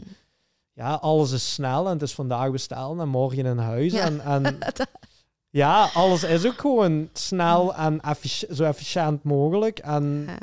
ja, het is, is ja, ik bedoel, eh, wij, hebben, wij hebben niet meer zo, of ja, vroeger was er echt zo, als je echt zo over je grootouders spreekt, ja, oorlog en schaarste en er was niet veel en iedereen moest meewerken thuis en iedereen, allee, dat hebben wij ook zo, ja, toch niet meer, niet meer zo gekend, hè. Nee. Dus eh, ik denk dat dat ook wel een beetje een, een, ja, een gevolg is van de welke omstandigheden dat wij zijn opgegroeid. Ja. we hebben het eigenlijk, ja, ik zeg niet iedereen, hè, Nee, maar tuurlijk. Dat is ook... de meeste van ons hebben het wel gewoon goed gehad. Hè? Dus Ja. niet eh, dat wij vroeg, allee, toen wij klein waren, dat wij geen eten kregen of, of allee, ik zeg niet dat Ah, dat, ja, ja, zo dat bestaat wel, hè? Dat bestaat wel. Dat is ook... Ehm, maar ja, je, je merkt toch dat dat, ja, dat, dat, dat vormt wel een generatie. eh ah, er zijn heel veel allee, positieve dingen. Ik denk, ja, er is ook wel iets meer dan werken. Ja. Bepaalde generaties, ja, die werken hun eigen gewoon kapot. En waarom dat ze het deden, ja, eigenlijk niet echt een idee. Maar, Ja. en, en, ja, maar langs de andere kant creëert er dan ook wel weer, ja, zoals ze een beetje zeggen, zo misschien de, de, de luie generatie zo. Ja, want dan krijg je ook zo van, ja, maar ja, die jeugd van... Allee, en naar mijn mening klopt dat ook niet helemaal, want in hun generaties waren er ook misschien mensen die er de kantjes van afliepen. Ja, maar dan zeggen ze wel weer, ja, maar die generatie, ja, dat is niks meer waard en eh, die doen niks meer en die wilden niet meer werken. Ja, terwijl dat net de generatie is. Allee, nu vind ik, wat getypeerd wordt door mensen die durven opkomen voor hun eigen mentaal welzijn bijvoorbeeld, dat dat iets is wat heel ja, veel onder de aandacht komt. Mhm. Eh, ik weet dat ik, toen ik stage deed bijvoorbeeld op het middelbaar, hoe dat die over hun emoties spraken en hun, hun mentaal welzijn, dat ik denk van, amai, mijn opa of zo, die had nooit over zijn gevoelens gepraat. Ja, ja, ja. En dat ik ook denk dat hij nu gewoon het durven opkomen voor wat je graag doet. Het, het, het kunnen toegeven, ja, ik lig eens lekker graag op de bank en ik moet geen job doen die weet ik veel hoe hoog is aangeschreven. Ah, dat is helemaal prima. Ehm, ja, dat daar echt gewoon echt de conclusie is, doe wat je graag doet. En ja. ja de ik denk. Ik denk, wij zijn ook zo'n generatie zo, ja. Ik denk, ehm, vroeger werd er ook bijvoorbeeld, ja, als je een bedrijf had, ja, ja, wie ze zaak voerde, ja, geen idee. Die kwam eigenlijk nooit echt in beeld, want dat was altijd degene, die moest altijd aan het werk zijn. Die moest altijd van zes uur s ochtends tot uh, zes uur s avonds uh, op de bureau zitten. En iedereen had er zo'n beetje schrik van en zo. Terwijl ja, onze generatie heeft echt gemerkt van ja, maar de zaakvoerder die moet eigenlijk een beetje naar buiten komen, want mensen doen graag zaken met mensen. Tuurlijk. En als je die kracht dan van het internet kunt gebruiken, ja, dat is, dat is, zo kun je in één keer opduiken in, in andere landen. Of, of mensen, mensen denken dat ze u kennen doordat ze u al op een film hebben gezien. Klopt. Waardoor dat ze in één keer, oh ja, maar ja, je, zit wel een, je lijkt me wel een tof en daarom heb ik me ingeschreven voor dit. Of wil ik met u die diensten, bij u die dienst afnemen of dat product kopen of zo. Dus Allee, je merkt wel dat er toch een, een, een shift is geweest. Hè, van, uh, maar ja, dat is natuurlijk bij elke generatie denk ik wel, uh, wel een beetje het geval. Maar eigenlijk, ik, ik eh, want ja, we zijn helemaal weer ja. aan het afgeleiden, maar dat, het, dat gebeurt al vaker op de podcast hier. Um, maar kunt je ons eens meenemen zo in het... Ah, je hebt dan al verteld over uw opstart, dus hè, dat is wat mhm. wat geweest. Maar hoe is eigenlijk vanaf, hè, gezegd in mei, dat was eigenlijk zo le moment suprême toen moest het beginnen. Waar, waar heb je naartoe gewerkt? Of, of hoe heb je dat toen aangepakt om toch met een, ja, een dienst of een product? Of, of waar zit je toen mee op de, de markt gekomen eigenlijk? Eh? Dus waar ik concreet mee op de markt ben gekomen is het speeddate concept. Ehm, wat eigenlijk inhoudt, je moet je echt voorstellen, um, ik ben op zoek gegaan naar lokale horecazaken of lokale feestzalen toen, ja. um, die met mij wouden samenwerken en waar ik eigenlijk een evenement, een speeddate evenement mocht organiseren. Dat houdt heel concreet in, er komen een x aantal mannen, een x aantal vrouwen na die avond. Um, wij ontvangen die met alle warmte en, en liefde die we hebben. Uh, wij stellen die mensen op hun gemak. En na een korte toelichting van hoe de avond gaat verlopen, nemen de vrouwen plaats aan een tafeltje en schuiven de mannen om de zeven minuten door. Oké. Okay. Um, ehm, ja, eigenlijk een vrij. Um, ja, dat, dat, bestaat al lang, dat concept. Maar een hele uh, nog authentieke manier van mensen en vrijgezellen te leren kennen eigenlijk. Ja. Um, ze krijgen dan ook gedurende de hele avond een bundeltje mee. Um, waar dat ze eigenlijk de naam van de persoon die tegenover hen zitten kunnen noteren. Je hebt er ook een kolom van de eerste indruk. Zeker vrouwen, die noteren daar soms echt een halve boek. Echt John Travolta neus. Um, notities die er gemaakt worden, Jonas. Echt, dat we soms... Allee, dat en met een man is dat zo'n lege blad. Een lege, zo. Voilà. Dat is, echt, dat is echt het grote verschil. Vrouwen schrijven daar een half boek, mannen schrijven daar meestal niks. Um, en dan in de derde kolom moeten ze eigenlijk aanduiden of dat ze de spark voelen, ja of nee. Ja. Um, die avond, dat gebeurt daar eigenlijk... Wij selecteren op heel unieke en gezellige locaties. Um, ook het feit, ik stel die mensen als die binnenkomen wel echt, ik probeer het allemaal op hun gemak te stellen. Er zijn superveel ja, mensen doodnerveus die aankomen, omdat dat voor veel mensen echt een serieuze drempel is. Um, ze kunnen zich ook niet verschuilen. Hè? Ik denk in, een, in een wereld waar dat we zeker vanuit ja, COVID dan komen, iedereen heeft heel veel alleen gezeten, beperkte contacten. Ja, ze gingen waarschijnlijk wel eens op, op, op Tinder uh, of overwogen hebben van ja, maar ja, dat misschien natuurlijk ook niet het van het was of, of zich konden verschuilen achter een schermpje. Ja, achter een foto van vijf jaar geleden. Uh, ja, nu moet je wel in één keer uh, naar buiten komen. Ja. ja, en je merkt dat dat voor veel mensen een, een hele grote drempel is. En je ziet, en dat is heel mooi om te zien, want je ziet na drie gesprekken, na drie korte speeddates, dat bij heel veel mensen echt een last van hun schouders valt. Um, ten eerste denk ik vooral omdat dat, mensen gaan er echt naartoe met hetzelfde doel. Je wilt een partner leren kennen die iets serieus uh, wil opbouwen. Um, je voelt meteen, is er een klik, is er geen klik? Ja. Uh, want veel mensen vragen mij, ja, een speeddate duurt zeven minuten, is dat niet te kort? Mm -hmm. Maar in zeven minuten ben ik ervan overtuigd, gevoeld is de ja. sparker mogelijk aanwezig of niet. En als mhm. je met iemand moet zitten tegenover je waar het absoluut niet mee klikt, dan, is zeven minuten, al lang hoor. ja, en het fijne is, wij voorzien altijd na de helft van de speeddates voorzien wij een gezellige pauze. Okay. Um, dat mensen ook ondereen kunnen komen natuurlijk. Uh, dan volgt de tweede helft van de speeddates en dan is er altijd een after date drink noemen we dat eigenlijk. Dus okay. dat ze dan nog eens onderling ondereen komen. En dan zie je ook heel veel de mensen die elkaar hebben omcirkeld als match, die trekken op dat moment ook al naar elkaar toe. Ja. Um, wij gaan dan ook nog altijd samen op stap. Hè? al dan niet op de locatie zelf. We hebben bijvoorbeeld nu een Neerpelt al regelmatig een speeddate gegaan gedaan. En dan trekken we met z'n allen naar het Vlaams Huis, waar we mhm. echt al vaak tot drie uur zijn gebleven dan uiteindelijk s'nachts. ja. Ehm, op grotere evenementen, um, daar organiseren we echt onze eigen after-date drink, waar we dan ook tot één, twee uur soms blijven hangen. Um, en je merkt dat dat heel veel doet voor die mensen. Um, ze hebben dan hun bundel hè, goed ingevuld. Ja. Uh, ze geven die dan af. Ze weten ah, binnen de 24 uur stuur ik dan via mail door of dat ze matches hebben, ja of nee. Okay. Um, ook dan de contactgegevens, dat ze een datingsproces verder kunnen zetten. Ja. En het leuke is dat je dan eigenlijk al heel goed een avond zelf ziet van ja, daar zie je al een match. Uh, daar zie je al iets Je staat er zo al te kijken, zo ja. van, ah ja, daar, dit. Voilà, die komen binnen en dan ben ik al, ah, die met die, die met die, die met die. En dat ja, dat is fantastisch om te zien. Dan zie je ook zelfs, we hebben dan nu, zoals je net bij de intro ook zei, mensen van 22 jaar tot 65 jaar ontvangen. Je ziet echt bijvoorbeeld bij vrouwen van 60 jaar die aan het babbelen zijn en waar een beentje zo echt nog in de lucht gaat. Zoals in, in films, ken je dat niet? Zo? Ja. En dat ik dan echt in mezelf zo gelukkig ben en zo voldaan van, allee, kijk, die nu is de tijd van haar leven terug hebben. En helemaal terug openbloeien. Um, ja, om, om een voorbeeld te geven. Uh, ons kleinste evenement was met 18 personen. Ons grootste evenement was met 65 personen. Dus dat is een heel verschil. ja. Um, maar het fijne is dat voor mensen die, het, die eerder houden van de intieme, um, kleinschaligere, ja. dat we daar ook een aanbod voor hebben. Maar voor mensen bijvoorbeeld die op bepaalde leeftijdsgrenzen ook zitten, want misschien ook wel belangrijk om te melden, onze speeddates is altijd afgebakend in leeftijdsgroepen. Oké. Ja. Um, en soms, ja, je kunt je je al voorstellen, een man van 50 bijvoorbeeld, um, die vindt het misschien niet zo interessant om in een leeftijdsgroep 50-60 te zitten, maar eerder 35-50, mm zal ik maar zeggen. Ehm, en daar proberen we op die manier, door grootschalige evenementen te organiseren, waar dat je tijdens de pauze allemaal samenkomt en tijdens je after drink samenkomt, proberen we wel een antwoord te bieden op die vragen eigenlijk en op die noden.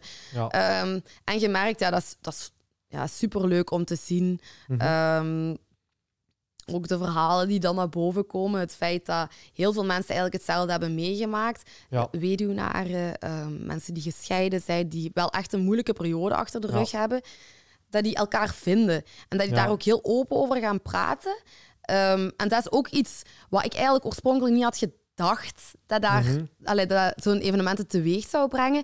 Maar waar je ook echt soms emotionele gesprekken ziet uh, opkomen tijdens pauzes. Ja. En dat dat ook iets is wat wel heel ja, speciaal is. Om dat, dat ja, ja, want je zit, je zit toch ook in een, ja, een iets oudere leeftijdsgroep. En ja, allez, natuurlijk, je kunt wel date, uh, dating organiseren voor uh, 22 tot 35 jaar. Maar ja, die hebben nog niet zoveel... Allez, zoveel meegemaakt. Of ja, sommigen natuurlijk wel. maar, hè, maar als je zo gaat kijken, ja, zo die iets oudere groep, die ja, bijvoorbeeld al een keer getrouwd zijn, kinderen hebben, maar gescheiden. Uh, de ene wordt uit het huis gezet omdat de andere de, diegene uitkoopt of andersom. of, of vechtscheidingen. Of, allez. Je hoort er echt zo'n schrijnende verhalen. En ik denk dat dat ook net het allermooiste is van wat ik doe om die mensen die uit zo'n periode komen, um, om die net terug echt een glimlach op hun gezicht te zien ja. hebben en die ook terug dat zelfvertrouwen krijgen. Ja. Um, ik weet een, een, een kameraad van mij, die dacht echt dat hij voor eeuwig vrijgezel ging zijn. Die onderschatte zijn eigen volledig. Mm Een superknappe, intelligente, sociale, tof, alles. Maar die had al een tijdje geen vriendin meer gehad, waardoor dat hij echt dacht, ja, ik kan het niet meer. En die is komen speeddaten, heeft er een vriendin aan overgehouden trouwens. Oké. En um, die is helemaal opengebloeid. Ja. Allee, die, die besefte terug, oh my, hebben zoveel meisjes mij aangeduid als een match. Allee, ja. zo, want ik geef dat ook altijd mee.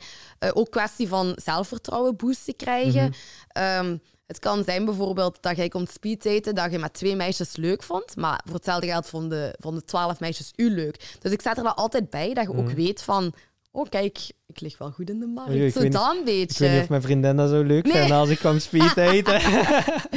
nee, nee. Als ik het weet dat je een relatie hebt, dan laat ik je ook niet toe. Ik kan ze niet screenen, maar...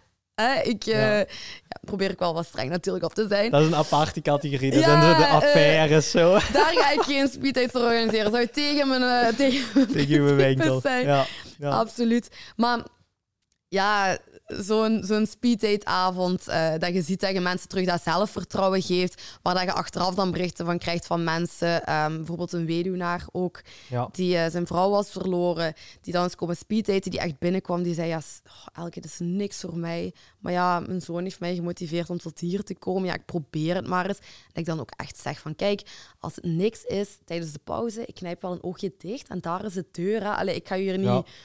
Je moet hier niet zijn. Ja, het, het moet nog altijd goed voor je aanvoelen. het moet plezant zijn. En als het voor u te dichtbij komt of te benauwd wordt, ja, ik ga u niet tegenhouden om te vertrekken. En uiteindelijk heeft hij daar een vriendin ook aan overgehouden. Ja.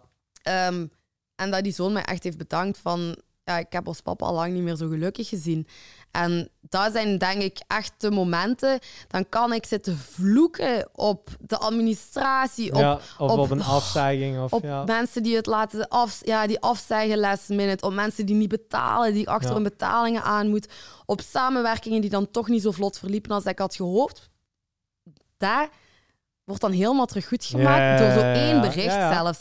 En ja, dat is iets ja, dat is het schoonste ja, gevoel. Ik ben echt twee weken dan aan het naglunderen. Hè. Als ik zoiets, of gewoon al een evenement... dat snap ik wel. Dat is iets ja, superleuk om mee te maken. Ja, ja. want ik ben nog eens...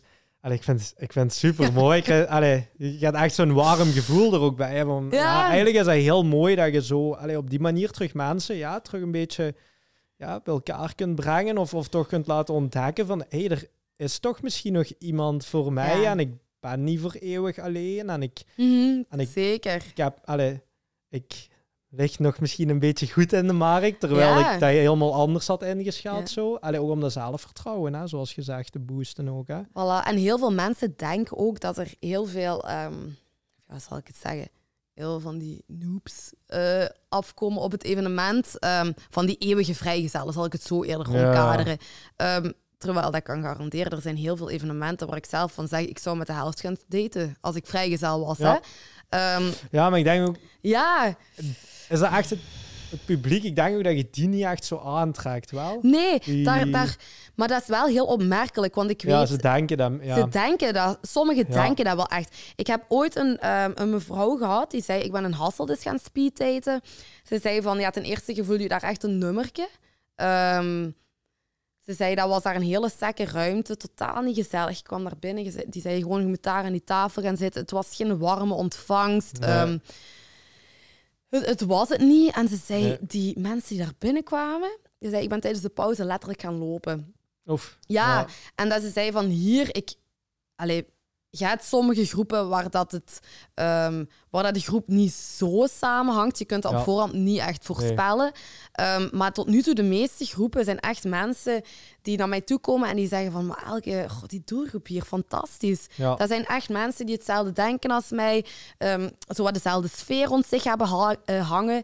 En dan benoemen ze ook echt, oh, we moeten geen twee weken met iemand zitten sturen op Tinder, om dan iemand in het echt te zien, om dan te denken, oeh, maar de klik is er echt niet. En dan zeggen ze, ja, en hier, je ziet meestal tussen de minimum acht potentiële eh, partners tot maximum 15. Ja. Dan zit je hoofd wel echt vol na 15 speeddates. Uh, uh, weet je niet meer wie dat allemaal heeft nee, dubbele vragen die worden gesteld. Maar dat, ja, dat ah, maakt niet uit. Oh, was uw naam niet Erik? Uh, ja. Ah nee, uh, chef, ja, ja, dat was... Want die dingen gebeuren dan. Maar dat, dat maakt ook niet uit dan in zo'n setting. Dat wordt ook wordt, wordt dan mega lachen. Geen probleem. Um, maar ja, je merkt wel echt dat dat, dat voor veel mensen wel is van oké, oef, um, hier zie ik meteen wat voor kaliber dat ik voor mij heb zitten. Hier voel ik meteen, kan het ooit wel worden? En dat is geen tijdverspilling, want je ziet op één avond ontmoet je zoveel verschillende mensen. En Allee, tot nu toe, ons cijfer is momenteel rond de 75%. Gaan naar huis met minstens één match. En okay. allee, waar ik wel super tevreden over ben. Hoog. Ja, dat is wel hoog. En zeker bij de jongeren is dat... Ja, ik weet, de eerste speeddate, daar waren 27 mensen en er waren toen 37 matches. Dus je moet denken, eigenlijk zo goed als iedereen had er daar minstens één. En er waren er heel veel die er meer hadden. En dat was voor mij zoiets van, oké, eerste evenement geslaagd. We kunnen nu Mhm. door naar de volgende. Ehm, Ja, dat is ook, allee, dat is ook redelijk uniek, hè, maar allee, ik zo, om de een of andere reden, link ik dat zo met, eh, met sales, met verkoop. Allee, ja, dat is zo de ondernemer in mij die dan eh, wakker wordt. Maar uh, ik weet van verkoop, hè, als ik moet verkopen, ja, ze zeggen altijd, it's a numbers game. Je moet x aantal mensen benaderen ja, en je gaat een bepaald percentage kans hebben dat het een verkoop is. Verko- ja, ja, Hè? ja. En eigenlijk kun je dat een beetje vergelijken misschien met die dates van... Je moet eerst x aantal mensen zien. En ja, een bepaald percentage gaat jij mee klikken. Gaat Ja. jij een match hebben. Maar ja, in een normale situatie waar dat jij... Ik zeg maar iets met uw eh, kameraden op café zijt en de potentiële match met haar vriendinnen iets verder zit, ja, dan is er misschien eigenlijk maar één, hè, want de rest is misschien allemaal bezet. Voilà. En van uw kameraden is ook iedereen bezet. Dus dan is er eigenlijk maar één potentiële match. Ja, en dan is het meestal... Allee, het is niet 100% kans, hè. Dus het is, Nee, het is ja of nee. Terwijl als er, ik zeg maar iets, 15 man zijn... Ja, dan had het toch al meer kans dat er mogelijk een match is, hè. Ja, zeker. En ook Ja. zeker dan op die grotere evenementen. Eh, Bij de, bij de standaard kleinere evenementen had je inderdaad meestal rond de 15 personen. Ja. Eh, bij die grotere ja, loopt er ja, toen die Ja, ja. 65 man bijvoorbeeld 30 Het mensen ook- rond, waarvan je ook weet allemaal mensen die, die geïnteresseerd zijn erin. Hè? Dat is ook een verschil, hè. Ja, Hè? Als je iemand zo moet zoeken, ja, ah, ja zou, die, zou die al samen zijn Ja. met iemand? Of is, staat hij daar wel voor open? Of ja, je weet het ook allemaal niet. Hè? je weet het Dus niet. mensen zijn ook veel minder geneigd, denk ik, op, om naar, allee, naar Ja. iemand toe te stappen of een keer te gaan babbelen met iemand. Hè? Klopt. Dus allee, dan hadden ze de omgekeerde wereld, dan wordt er misschien wel een nummer gegeven, maar dan begint het weer met...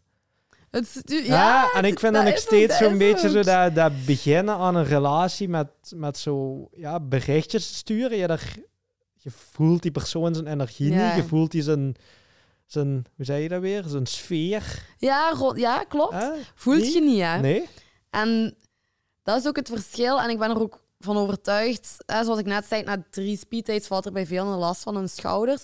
Als je dan volledig op je gemak was, zijt, Mhm. ehm, je zit in een setting, dat doet zo ongelooflijk veel. De juiste muziek staat op, ja, de juiste geur hangt er, ehm, de muntjes staan op het toilet klaar. ja. Voor als je daar Je gaat er wel ver in, ik ga er heel extreem Ja. ver in, omdat ik ook altijd denk van hoe zou ik zelf willen dat het, dat het is. Ik gebruik dezelfde huisparfum bij al mijn evenementen. Ik zie dat er muntjes op het toilet zijn. Ik voorzie praatkaarten, ook een heel belangrijke aan tafel. Oké. Ehm, voor als het gesprek stilvalt, dat je ja, gewoon een thema, een, een dilemma, dat je een onderwerp hebt om naar te grijpen, letterlijk Ja. om het gesprek wel aan de gang te houden. En ik merk ook, heel veel mensen hebben bijvoorbeeld na, na negen dates zoiets van, poeh, weer al vragen. En van waar zijt je? Wat voor job doet je? ja. Dat die zoiets hebben van, ja, het begint zo'n beetje ja, saai niet te worden, maar we willen een andere schoen aan geven. En Ja. die nemen dan werkelijk zo'n zo'n babbelkaart of praatkaart of hoe dat je het wilt noemen. En dan gaat het gesprek een heel andere kant op. Mhm. En ja, dat helpt mensen. En het, het, het feit dat wij daar staan, wij hun ondersteunen, de zenuwen wat proberen weg te nemen, dat het extreem gezellige locaties zijn. We hebben Ja. hè, op wijndomeinen gedaan, tussen de wijngaarden. We hebben Oh ja. al bij ja, Remise 56 in Koersel. eh, dus we zijn ook echt van Noord-Limburg allee, richting het zuiden aan het Mhm. trekken. Eh, richting Koersel zijn we dan al gegaan bij Remise 56. Dat is eigenlijk een oude loos- of opslagplaats van trams en bussen en zo. Die hebben ze omgebouwd tot een fantastisch mooie brouwerij. Daar hebben we speeddates gedaan. Bij het Konijntje, bij de studio in Neerpelt, misschien Ja. ook wel gekend. Ehm, dus we proberen daar ook echt wel op te selecteren, want er moet een sfeer zijn... Er moet al een bepaalde sfeer hangen vooraleer dat je zo naar een hoger niveau kunt Oké. gaan. Ja. Allee, naar mijn mening. Weet je, Ja. als je zo in een witte ruimte met felle lampen... Ja, ja, ja. Oh ja, dan voelen de ja. vrouwen zich al op een ongemak vaak. Terwijl hier gezellige sfeerlampjes, Ja. de- dat maakt het ook wel Ja, gewoon... maar dat doet veel, hè? Doet bedoel, enorm wat, veel. ja, wat kaarsjes aan, wat gedimde lichten, goede drankjes, een lekkere geur, Voilà. goede muziekje. Ja, Allee, sommige mensen denken dat dat niks doet, hè? Maar dat heeft licht, geur, ja. eh, heeft zoveel invloed hè, op, u, op u als Tuurlijk. mens. Hè? Zonder dat je het zelf beseft misschien, hè? Zeker. Ja. Dus ik denk Ja. dat, dat dat ook het ding is waarin dat we ons onderscheiden. En we zien ook dat mensen echt terugkomen. Ik zeg altijd, ik hoop dat ik u niet meer moet zien. Want eh, het zou natuurlijk het best zijn Ja. als ze meteen een match hebben. Ja. Maar we zien ook de mensen die blijven terugkomen. En hoeveel complimenten dat we achteraf dan ook krijgen. Van ja, zelfs ik heb geen match misschien, maar ik heb echt al lang niet meer zo'n toffe avond gehad. ja. Ehm, Kan ook gewoon voor een leuke avond zijn, Ja. denk ik, hè? want heel veel die ook echt, dat is nu ook een concrete vraag die we aan het uitwerken zijn, van rond echt meer activiteiten voor vrijgezellen te organiseren. Ja. Die zeggen van bijvoorbeeld, onze vrienden, ehm, die hebben allemaal een gezin. Op zondagavond eten die met z'n allen frieten, bij wijze van spreken, en, en doen die iets tof, gaan die wandelen. Maar ja, ik zit alleen thuis. En die ook echt na, ja, nadrukkelijk vragen van, wil je eens niet, al is het een wandeling of een bowlingavond is al gevraagd geweest, zo van die zaken ook organiseren. Oké. Maar ik denk dat dat wel leuk is, hè? Want dan is misschien net zo... Dan is er nog minder die drempel. Hè? Bij speeddate, ja, dan weet ze al van hoe ik moet gaan babbelen. En, ja, ja. ja, dan is dat meer zo wat geforceerd. Terwijl, ja, ga eens een keer op een idyllische locatie iets, een activiteit doen. En organiseer daarna nog een drink of weet ik Ja. veel. Ja, dan zijn ze ook niet zo verplicht met, allee, om met iemand te babbelen. Maar dan kun je misschien, ja, toch zorgen dat er op de een of andere manier wel contact Ja, gezocht. Ja, zo. Daar zijn Ja. we nu over aan het nadenken van, allee, ben ik nu over aan het nadenken van hoe dat we daar het best mogelijke scenario voor kunnen uitwerken. Ehm, en dat dat ook een vorm heeft vooraleer dat, we er effect, of, eh, vooraleer dat ik er effectief aan begin. Dan merk ik dat dat zo in mijn voordeel heeft gespeeld van het, het echt... Wat is het, het beste, daar beste wat we kunnen bereiken op zo'n Ja. avond? En wat is daar allemaal voor nodig? En Mhm. dan proberen en voortdurend bijsturen. Ik vraag ook altijd echt feedback, aan mijn klanten. Ehm, en een heel onnozel voorbeeld eigenlijk. In het begin had ik bundels die zo open gingen. Die gewoon hè, verticaal eigenlijk opengeslagen eh, geslagen konden worden. En dat mensen zeiden van, ja, ik vind het heel fijn al dat je het kunt afdekken. Hè, dat het opklapbaar is. Mhm. Maar het zou nog beter zijn als dat horizontaal is. Hè, want ja, dan kun je zo schrijven. En dat ik dacht, Ja, ja, ja, ja, ja, daar ja. zit zeker iets in. Dus wat heb ik gedaan? Meteen met een drukker gebeld. Ja, zeg, ik ga het ontwerp eh, omdraaien. Ehm, want ja, mijn klanten geven dat wel aan als een werkpuntje. Ja. Ehm, ja, en zo van die kleine tips. Ik kreeg op den duur zelfs vragen of dat eh, mannen mannen ook niet konden matchen. In de zin van voor vriendschappen. En dat zijn allemaal zaken. Ik probeer daar super concreet mee aan de slag te gaan. En ik probeer dat wel echt uit te werken, zodat ik aan hun vragen Ja. kan allee, beantwoorden. ja. Ehm, dus dat is voortdurend bijsturen en eh, ja, inspelen op de vragen die mijn klanten hebben. Maar ik, ik hoor daar iets heel belangrijk, hè. Allee, dat is ook iets wat voor mij, ja, eigenlijk altijd mijn bedrijf heeft, heeft gevormd. Of, of ja, toch de trigger altijd geweest is om iets te starten. Dat Ja. was altijd dat ik ergens een vraag kreeg of ergens een opmerking of van, hey, heb je hier alles over nagedacht? Want ik wil dit of ik zoek Ja. dit of ik heb nood aan dit. Ja, dan moet je goed luisteren. Voilà, Want absoluut. als jij dan degene zijt die pff, trek me er niks van aan, ik doe mijn eigen ding en dit en dat. En voordat je het weet, wil niemand meer, allee, in ieder geval naar s- uw evenement ja. te komen. In mijn geval zaken met mij, met mij doen. Ja, dan graaft je je eigen put, hè. Terwijl ja, als je telkens, dat is ook iets ja, wat, je- met een eigen zaak moet kunnen als zaakvoerder. Van ja, je moet luisteren. Heel belangrijk, hè. Meesten kunnen goed babbelen, maar je moet ook goed kunnen kunnen luisteren, Naar, naar de mensen. Want mensen geven je, als je goed luistert en ervoor open staat, geven die je heel veel tips. Ja. En dan is het inderdaad de truc om, ja, wat filtert je eruit en, en Ja. hoe pak je dat dan concreet aan om daar ook iets, iets ja, wat toonbaar, wat relevant is, mee naar buiten te, te komen. Hè? Want ja. Ja. je kunt wel een idee, oh, je hoort iets hier en de volgende keer, ja, tussen de soep en de patat gooit je dat ertussen, maar dan is dat misschien niet goed geregeld of dan past dat niet of ja, en dan, dat is ook niet goed, hè. Je moet je tijd daar denk ik ook voor nemen, zeker Ja. als je in bijberoep zit. Ja, Ziet dat je het, het idee in je hoofd, dat je het ook in de realiteit kunt omzetten. ja, En dat het allemaal realistisch is. En Ja. allee, om een concreet voorbeeld te geven, met, eh, met Valentijn wil ik nu een groot evenement organiseren. Ehm, ik ben nu enorm op zoek naar een, naar een locatie. oké. Ehm, Als iemand nog eens met een locatie, Voilà. laat het weten. een leuke feestzaal die de gezelligheid echt eh, heeft. Ja? Maar ehm, dat moet gewoon top zijn voor mij. En ik ga ik ben, ja, ik ga mezelf niet content stellen met bijvoorbeeld een zaal die minder kost, waar ik minder voor moet afgeven, maar waar mijn klanten dan niet meteen die sfeer hebben waar dat ik nu, waar dat nu WeSpark typeert. Dus ik wil niet inpoeden op die dingen die mij net uniek maken, Ja. om daar meer winst uit te halen. En dat is nu heel fel voor mij, waar dat ik heel veel zoekende naar ben. Van, ik wil heel graag vaste partners in heel Limburg, waar dat ik en die sfeer heb en een goede samenwerking mee heb en waar dat, ja, waar dat ik ook wel een beetje winst in kan maken. Want Ja. dat moet ik wel eerlijk toegeven. Ik ben nu een half jaar bezig.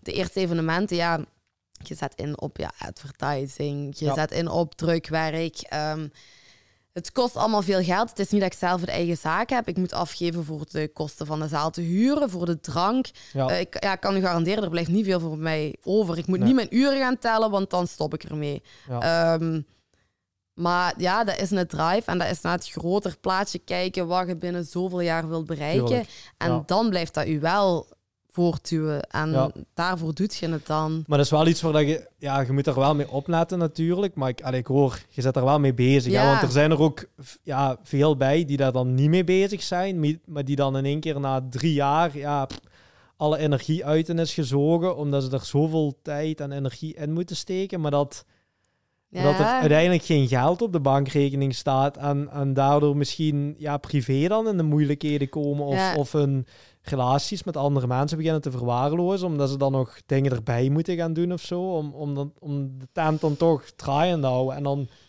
ja, dan denk ik van ja, daar zit wel, daar wordt wel het onderscheid gemaakt tussen een hobby en een Voilà. zaak, denk ik. Zeker. Ja, dus ik vind, allee, ik vind dat wel ook heel mooi dat je dat aan had. Ook wel kwetsbaar. Van ja, ik ben er gewoon nog zoekend in. Maar, dat, Ja. is, maar dat is ook niet erg om dat toe te geven. Want allee, ik weet nu bijvoorbeeld...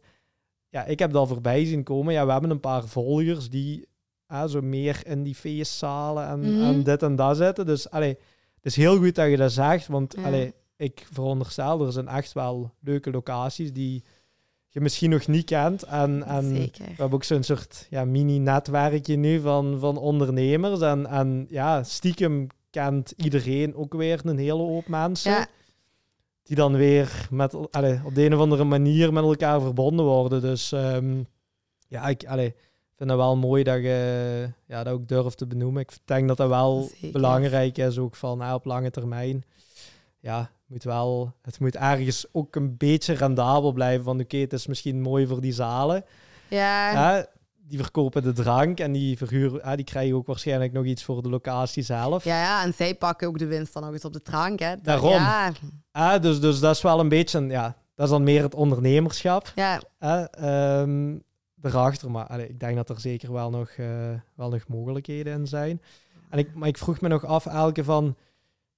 Kunt je ons eens een keer zo hè, meenemen naar zo het, het event wat voor u eigenlijk... Allee, ik heb al een mooi verhaal gehoord, maar wat tot nu toe ehm, ja, het meeste impact of de meeste indruk heeft nagelaten op u? Of dat je zegt van, wow, dat was echt die avond, daar, daar, daar zat iets in de lucht? Of, of is er zo'n moment positieve of geweest? negatieve zin?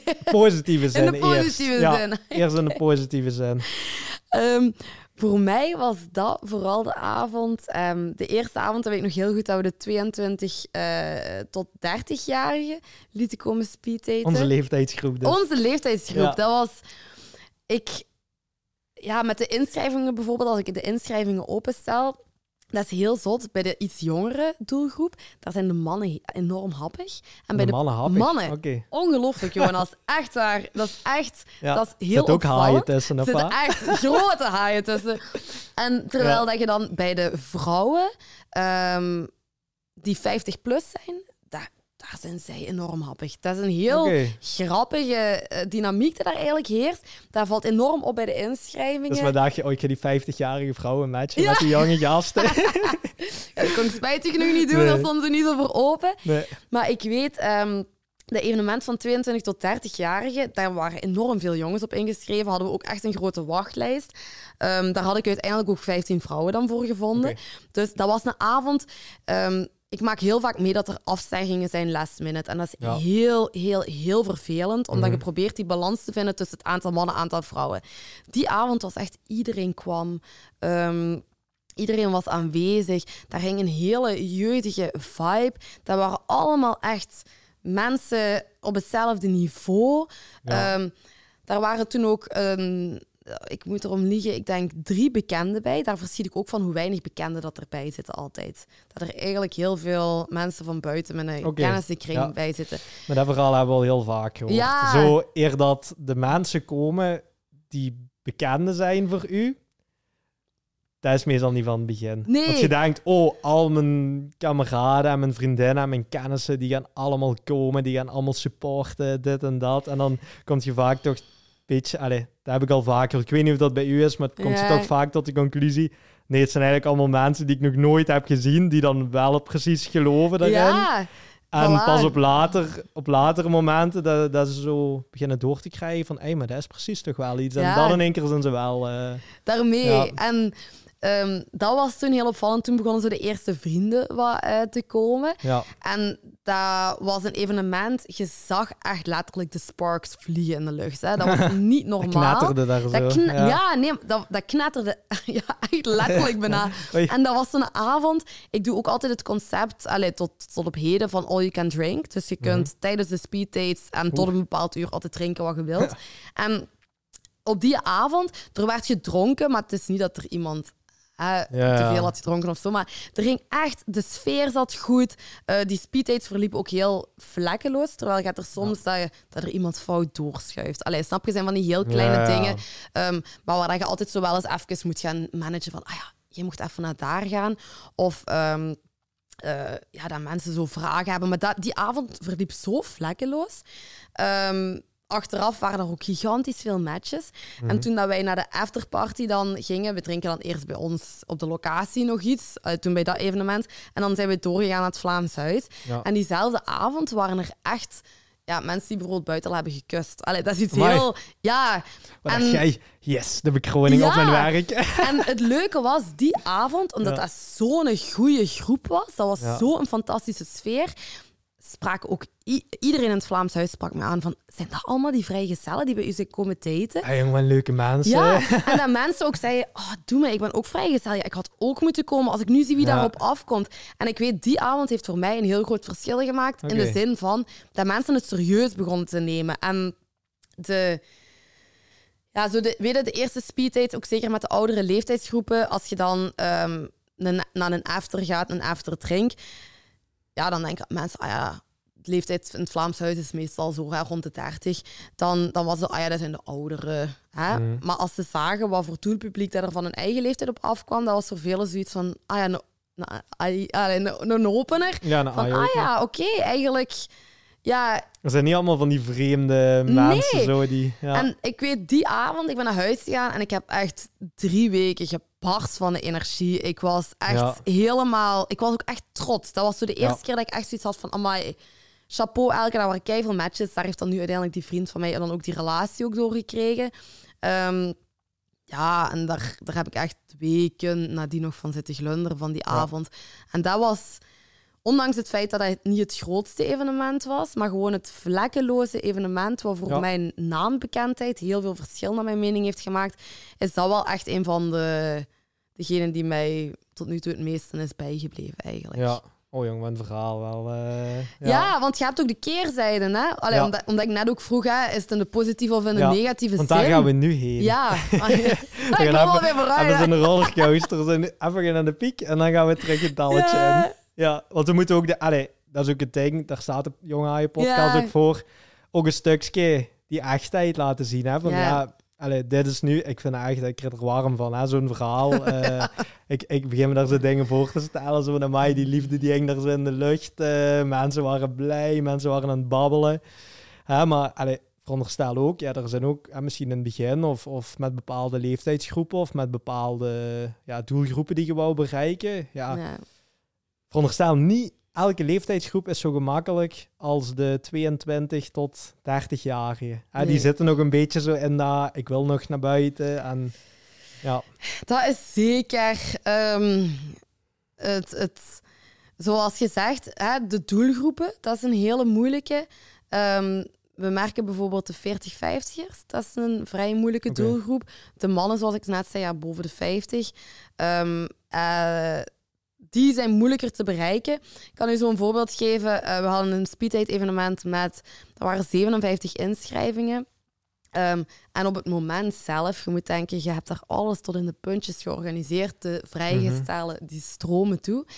Um, en je merkt dat er drie mannen van dezelfde leeftijdscategorie ja, eentje die had eigenlijk de dag voordien zoals gestuurd, ik weet niet of speeddaten wel iets voor mij is. Mhm. En ik dan zo'n heel motiverend bericht heb gestuurd, zo van, hè, we stellen u echt op je gemak, er zijn ja, praatkaarten. Ja, komt er even langs. Ja, je hebt niks te verliezen. Hè.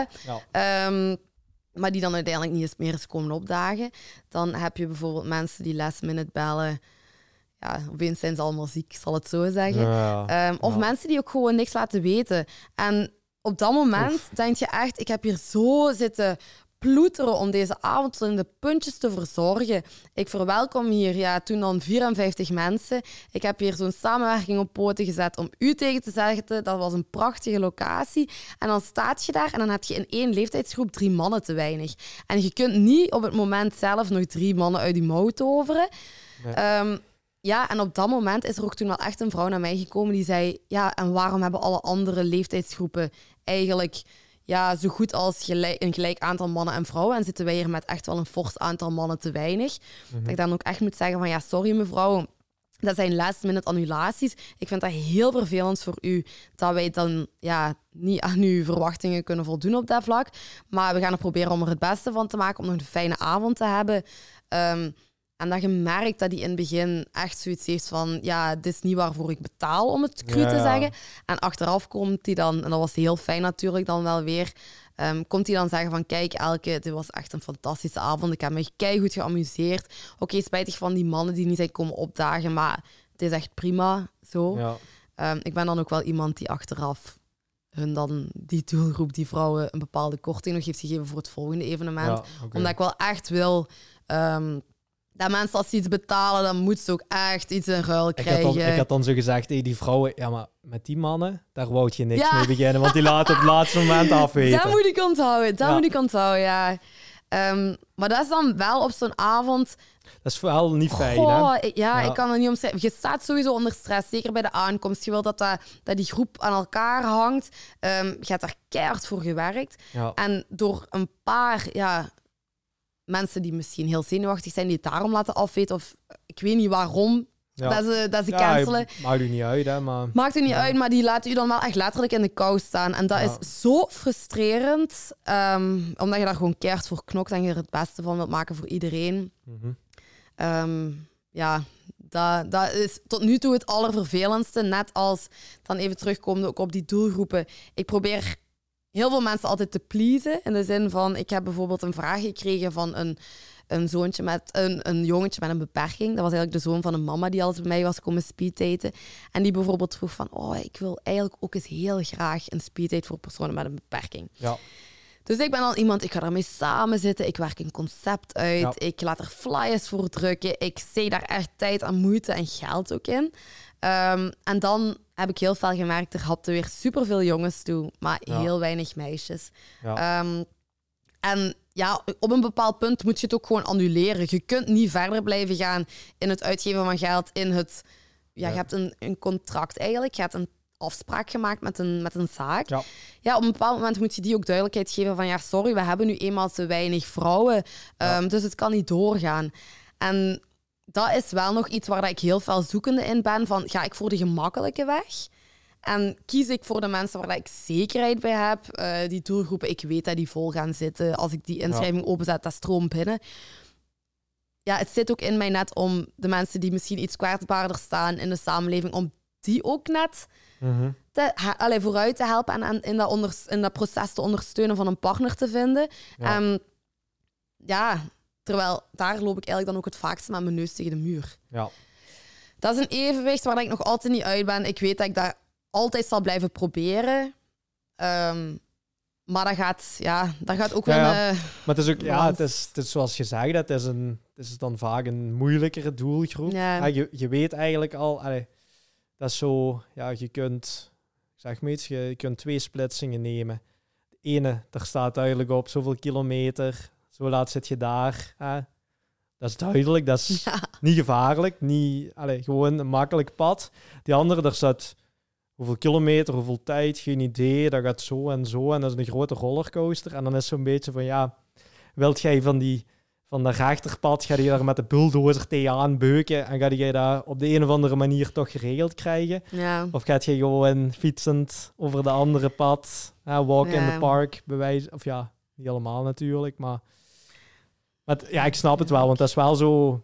Ja, misschien toch iets waar is in u zit. Zo, ja. dat toch dat... dat allez, ook wel die, die mensen waar dat iets moeilijker voor is, ook proberen te helpen aan... Uh, ja, een, een levenspartner of, of toch een spark in een uh, leven. Hè? Ja, en dan mensen dan zeggen, allee, elke zitten dan weer met die speciale concepten. Hè, van, zet ja. nu toch eens in op zekerheid. En dat ik dan denk, ja, maar dat gaat eigenlijk helemaal tegen mijn winkel in. Want dat is ook het ding van wie spark. Hè. Je wilt iedereen die vonk in zijn leven gunnen, om het zo te zeggen. En je wilt iedereen de kans ook bieden. Maar ik denk dat dat, ik denk dat, dat mooi is, maar ja, allee, als ik dan iets meer vanuit ondernemersstandpunt. Ja. En dus ik begrijp dat ook wel, hè, dat die mensen tegen u gaan zeggen van ja, maar elke hey, jong, cut your losses en focus u wat wel werkt. Maar dan denk ik ook van ja, maar je moet ook opletten dat je geen, allez, als je dat inderdaad zou doen en voor die weg dat je zeker weet, er komen mensen, er komen centjes binnen, mm. uh, er zijn leuke evenementen. Ja, dat je zo in strijd komt met je eigen ja. als persoon. En voilà ik denk dat het nog steeds een beetje onderbelicht wordt. Dat ja, je moet wel nog steeds je eigen ook in de spiegel kunnen aankijken. Hè? En je kunt wel kiezen voor de makkelijke weg. Maar misschien is dat dan net zo de uitdaging om dan misschien, ja, niet elke maand, maar dan misschien één keer in het jaar. En dan echt te gaan kijken van, hey, misschien kan ik samenwerken met echt verschillende partners die ook dat mhm. bereik hebben in die doelgroepen die dan moeilijk te vinden zijn. Ja, zeker. Oké, moet je misschien iets meer tijd in steken, want daar moet je langs gaan en je moet die mensen vertellen en die mensen moeten reclame maken voor u. Maar dan, ja, in de plaats van ik ga er allemaal zelf direct naar die mensen, ja, dat is heel moeilijk. Terwijl als je via iemand anders, een soort ja, tussenpersoon die wel die doelgroep kan bereiken, kunt gaan, of die, die zelfs op sleeptouw mee kan nemen en ze zeg maar gewoon ja, kan ja, ik snap wat je bedoelt. Dat je kan uh, komen afzetten, bij wijze van spreken, bijna. Ja. Die ook weet van, die zou daarvoor openstaan. Maar misschien net het ding is zo... Ja, als elke dat komt vragen direct, ja, dan is er zo van, ja, maar ik weet het niet. Terwijl als misschien ja, de begeleider of, of begeleidster... Ja, ik snap wat je bedoelt, hè. sorry, helemaal. Um, maar dat is ook iets uh, wat wat, wat ik ook wel echt heb geprobeerd in de zin van, um, ik heb die zorginstellingen aangeschreven. Ik, ik, ik ben daar, um, allee, we, we hebben, ik denk dat ik elke zorginstelling in, in Limburg een mailtje heb gestuurd, die dan ja. vooral ook bijvoorbeeld uh, Liga voor Personen met Autisme bijvoorbeeld, um, ook de, de, alle zorginstellingen binnen de VAPH-sector voor uh, personen met een beperking. dat hebben we gedaan, maar ja, er is iets, maar ik, ik ga het uitzoeken. Ik ga het proberen uitzoeken, maar iets wat toch nog... Ja, een, een drempel, zeker voor de vrouwen. Ik moet zeggen, voor die, die jongens stroomden binnen. Hè? Dus daar is wel een, een informatieoverdracht, zal ik maar zeggen, geweest tussen die zorginstellingen en de personen zelf. Maar dat is dan weer het, het, het gender-issue. Misschien, ik, ik weet het niet, waardoor dat vrouwen dan iets terughoudender misschien zijn. Jongens zich veel sneller inschrijvingen. Ik weet het niet, maar dat is wel iets wat ook in mijn aard ligt van ik wil dat wel uitzoeken. En ik wil ook wel te weten komen waarom schrijven die vrouwen zich misschien minder snel in. Is er iets wat ik kan veranderen? Al is het in mijn communicatie, is het iets aan mijn concept, waardoor dat voor hun ook aantrekkelijker wordt. Um, dat wil ik wel uitzoeken. Ja. Um, en het is, zoals je zegt, anders gaat het in strijd met waar je zelf voor staat. En um, ja, ik vertrouw altijd 100% op mijn buikgevoel. En dan ga ik ook niet aan de kant schuiven om voor de makkelijke weg te gaan, zal ik het zo zeggen. Ja. Um, maar ik denk, dus ja, als je zegt, ik heb dat al gedaan, ja. Allee, je weet het niet, kent je zo dat fotootje dat er zo iemand aan het graven is en die is zo goud aan het zoeken. en zo het, het goud, of ja, laat het hier net zijn, die dames die wel gaan komen, die, allee, dat ligt aan de andere kant en je zit aan het graven en je denkt, hey jong, dat werkt niet en die komen niet en dit en dat. Ja, en als je nog allee, er moet maar één tip of één manier of gebabbeld met iemand die daar dichtbij is en die zei, hey, die vond dat leuk, een flyertje, maar dit of dit hield een tegen Voilà. en ik hoorde dat terugkomen bij anderen of, of die heeft mij dit gezegd dat ze daar moeite mee had. En als je dan die drempel kunt wegnemen, ja, dan zit je in één keer wel bij het goud, terwijl Ja. je misschien, je hebt al dat allemaal geprobeerd, maar nu zit je misschien net voor nog ergens een wandje. en sommige mensen zeggen, hey, jong, elke stop ermee, jong, je gaat dat toch nooit, eh, dat gaat toch nooit lukken. Terwijl dat je misschien net één, één stap Ja. verwijderd bent, hè? En op dat vlak ben ik ook een doorzetter en Ja. ga ik daar ook zo ver in als nodig is om Ja, het ook voor hen te doen slagen. ja. Dus, ehm, maar dat is ook wel een van de moeilijkheden waar ik op, ja, waar ik op bots. ja. Zeker. Ja, dus allee, ik denk dat sowieso bij, bij ja, dat is ook niet voor niks dat die doelgroep gewoon iets. allee, ik denk ook niet alleen op dating, maar ook gewoon op andere Nee, vlakken ja. iets moeilijker te bereiken is. Zeker. Dat- Dat is ook. En we merkten heel fel dat er vooral personen met autisme zich inschreven. Oké, Ehm, dus dat is dan misschien ook al een van mijn conclusies, ook gewoon om het echt Ja. specifiek voor personen met ASS te organiseren. Ehm, ik heb daar zelf ook ervaring in mee dat ik vrijwilligerswerk heb gedaan bij Autisme Limburg. Ik heb ja. dan heus wel vriendinnen die daar in die sector werken, die dan kunnen komen ondersteunen die avond. Dus ehm, dat zijn van die dingen, daar, worden allemaal daar wordt rekening mee gehouden. Ehm, en dan gaan we dan gewoon, ja, dat zijn probeersels die je dan in de toekomst anders aan gaat pakken en waar dat dan hopelijk wel gaat slagen. ja, mooi. Want je, hoe, hoe, hoe pak je zo, daar ben ik nog benieuwd. Heb je dan een soort Mhm. Team of zo bijeen verzameld? Of hoe pak je zo'n avond aan? Want ik hoor toch groepen, 65 man. Mhm. Of werk je dan samen met die locaties, dat die dan nog mensen voorzien of zo? Of hoe gaat dat? Dat is echt heel afhankelijk. Iedere samenwerking is anders. Ehm, voornamelijk ehm, tot nu toe zijn het eigenlijk bijvoorbeeld bij die remise 56, die hadden van hun eigen personeelsleden die dan het, het, het drank ronddragen. Ja. Ehm, eh, ik doe dan de ontvangst en ik ondersteun waar dat mogelijk is. Ik zie ook wel echt dat ik kan crisis managen, om het zo te zeggen. Omdat het bij een paar evenementen wel al is nodig geweest dat er vanuit de zaak bijvoorbeeld dat ze het hadden onderschat, de drukte. Want Ja. allee, voor mij is het echt belangrijk, die mensen die moeten echt op handen en voeten gedragen worden die Ja. avond. Je moet lachen als je daar staat te werken. Ja, Eh, je ziet dat als iemand bij je komt, je ziet dat hij wat nerveus is, dan vraagt je aan, is het de eerste keer dat je komt speeddaten? Ehm van waar komt je? Ben je al lang vrijgezel? Dat je... Ja, dat is echt iets belangrijk, maar die sfeer en dat op een gemak stellen, dat is nu iets wat zo in die evenementen is geïntegreerd. Dat Ja. Ik wil niet dat iemand mij dat afpakt, Ja, of dat door personeel dat niet mee is met die visie, dat daardoor verpest eigenlijk. Want dat kan Ja. een evenement echt verpesten. Ehm, maar meestal ja, hebben hun dan personeel voorzien. Ik brief dan ook duidelijk op voorhand, kijk, dit verwacht ik wel van jullie. Wel en bij de ontvangst, ik sta daar altijd vaak om met mijn mama en mijn zusje wel eens helpen. Ehm, omdat dat wel een heel geregeld is, zeker die entree als je 65 man Ja, ja. ontvangt. Ehm, dat is geen kwestie van, oh, iedereen kom maar hier, hier een bundeltje, voilà, klaar.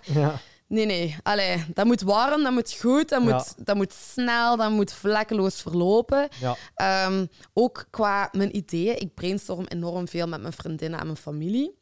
Die hebben dan niet per se iets te maken met de zaak. ja. Maar ehm, ja, ik ben nu eenmaal een eenmanszaak. Ik Mhm.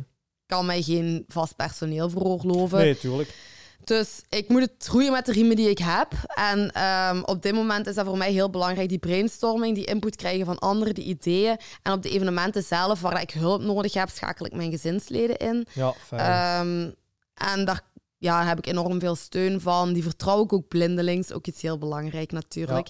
Ehm, en ik weet dat die dezelfde sfeer hebben, uitstraling, dezelfde goesting en ook het, het, het belang van het evenement inzien om daar Ja. ook de juiste sfeer te creëren. En dat is iets waar, ik- ik niet veel mensen in vertrouw, om het zo te zeggen. Ehm, ja. ja, maar ik kan me wel voorstellen, Ja, want ik, ik het, ken hè? nu net uw zus ja. en uw mama. Dus ik, allee, ik, ja, ik snap het. Ik snap het wel heel goed eigenlijk. Ja. Dat je, maar dat is wel heel fijn, vind ik dan, dat die je daar wel in steunen. Want het is niet niks om, ja, gaat maar weer, hè, op, ik zeg maar, ik denk dan dat is 's avonds ergens of in het weekend Ja. of in vakantieperiodes.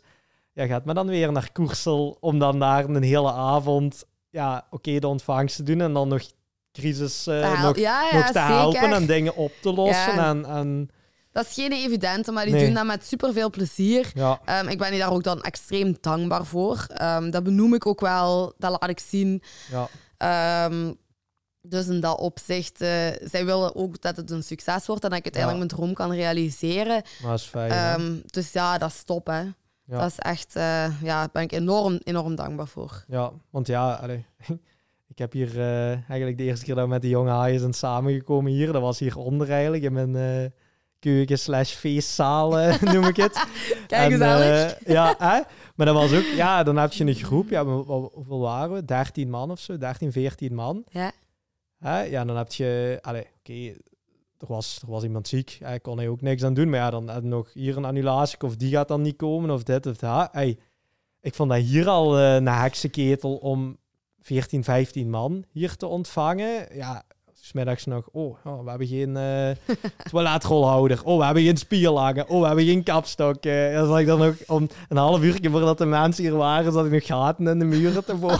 en zo. Dat, dat weten ze allemaal niet, maar dat is wel... Hey, komen ze dan Sorry, achter als ze horen? Ja. Als ze lang genoeg naar de podcast luisteren, dan, eh dan leek hier anders spik en span toen ze hier aankwamen. Of ja, dat hoor ik toch. maar eh, ja, dan... dan allee, ik weet, ik heb vroeger ook zo eh eh, vijf het dorp zo Ja. georganiseerd. En ik weet hoeveel werk ik zet ook. Allee, het materiaal wat ik, wat ik eigenlijk via de veiling verkoop, dat is ook allemaal evenementensector.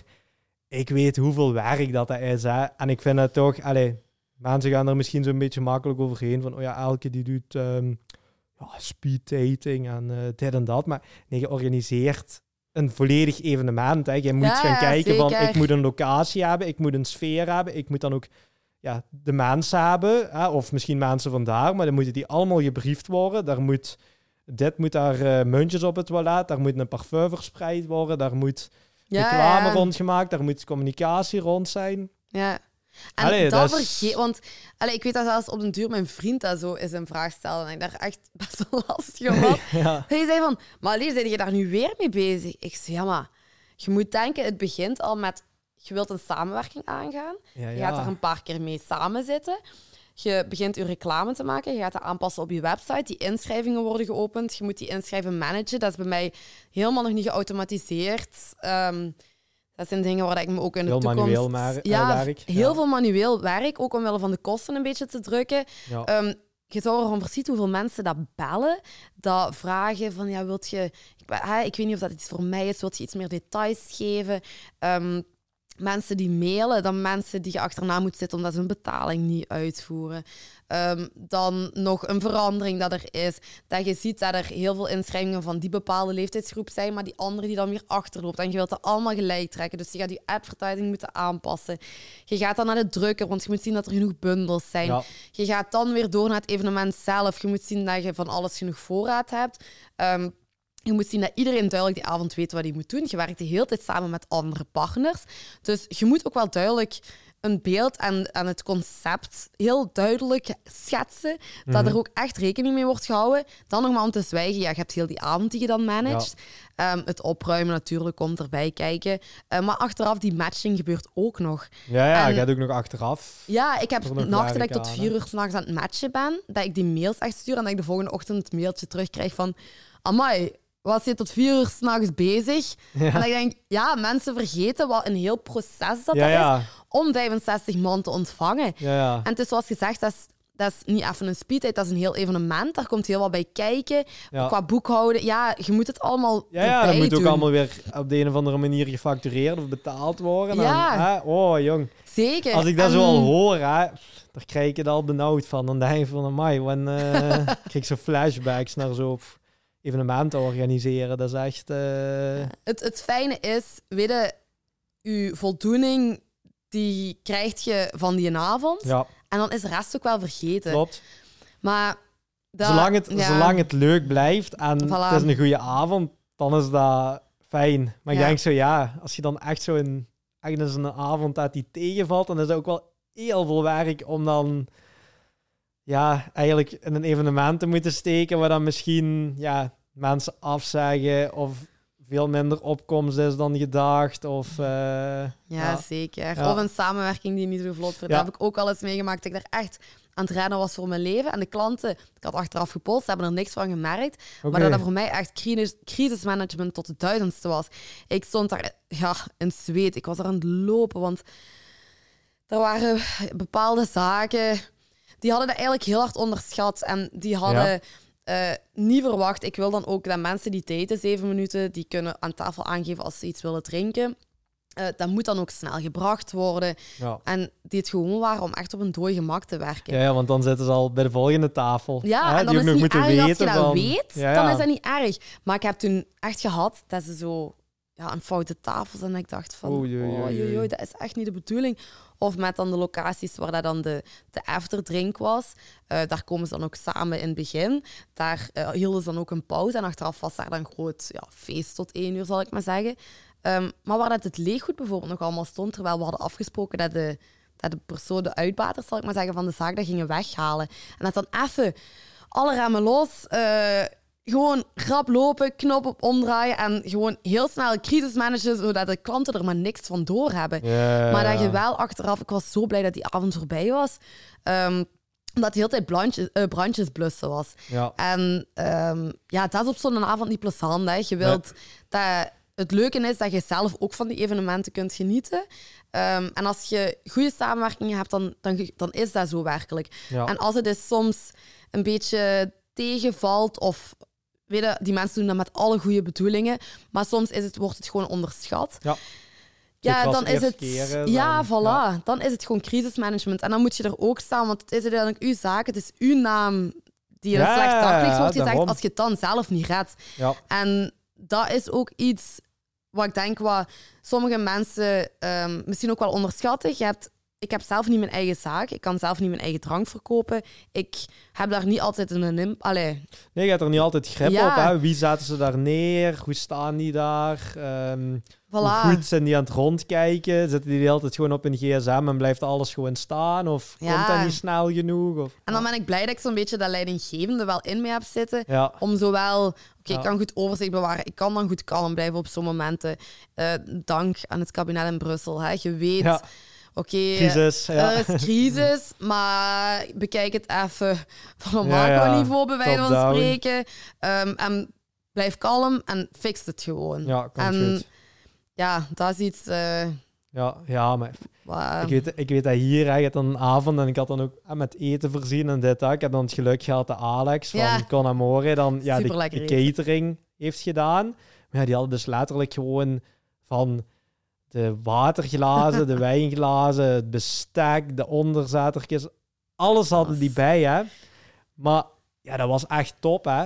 Want ik zei ook van ja, uh, ik ga daar wel niet, of ja, ik heb eigenlijk niet echt de goesting om er dan ja, te staan afwassen en zo daarna nog en allemaal dat, dat bestek en zo. Allee, ik heb er ook niet eens de ruimte voor, of ik heb niet zo'n zo'n groot afwasmachine. Dus ja, ik had er tegen gezegd van ja, is het misschien mogelijk om dat, ja, dan ga je dan al mee terugpakt of zo. Maar dan, maar dan beseft je wel, hè, want ik ben niet daar, allee, dat was echt, dat was top, hè. Maar allee, ik ben me daar wel toen heel bewust van geworden hoe belangrijk het dan is als je zoiets organiseert om met de juiste mensen samen te werken. Zeker. Hè, uh, die zei ook tegen mij, oh ja, wij komen dan een paar uurtjes op voorhand, komen die op bij Marie al zetten en dan kan die opwarmen en zo en dan kan het eten erin en... En die stond hier toen, hè. Dat was niet van... Een half uur voordat het begint. Hey, uh, waar, is de, waar zijt jullie? En uh, er staat nog niks. En nee, tafels waren, dat was al allemaal op voorhand ja. gedekt. De mensen komen hier aan, alles was.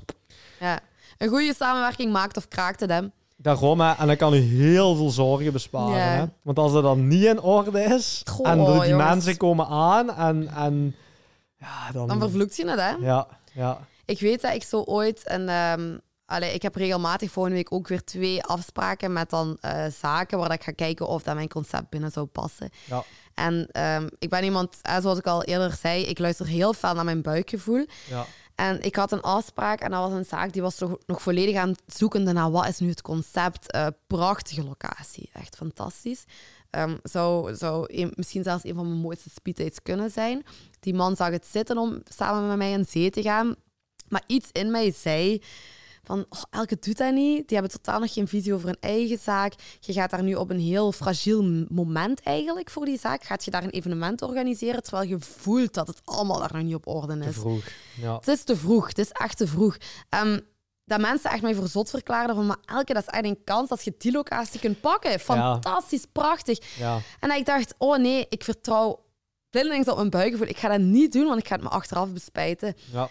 En ja... En meestal klopt dat. Voilà, misschien loopt die kans ik mis, maar... Ik heb hier echt... Ja, ik heb hier klanten gehad waar ik van dacht, hè, dan, hoe dat die contact opnemen of hoe dat die dan mail sturen. Of die, bij mij wil ze dan meestal ja, hun spullen verkopen en ik heb er dan het platform en de klanten voor. En ik zo merkte van, klopt, allee, ja, er is, er is iets, niet helemaal juist. En dan, ja, zeker, ik weet in het begin, toen, toen ik net begon, ja, weet je, je hebt nog niet zo super veel klanten en je denkt van, ja, ja, iedere klant is er eentje. Iedereen, ja, ja, ja, zeker. Allee, je moet ook een beetje, ja, ik zit wel in hoofdberoep dan, dus ja, voor mij hing het dan, ja, hing er wel nog net iets meer vanaf op mijn inkomen.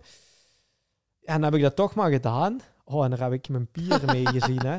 Maar daarmee vind ik dat mooi, mooi, want ik, allez, ik vraag meestal, hè, nadat we zeg maar uw, heel uw, um, uw tijdslijn hebben geschetst, vraag ik van, hè, heb je bijvoorbeeld nog tips voor andere mensen die zo hè, iets gelijkaardig willen doen? Allez, niet, niet hetzelfde, maar gewoon mhm. die overwegen om in bijberoep iets te starten.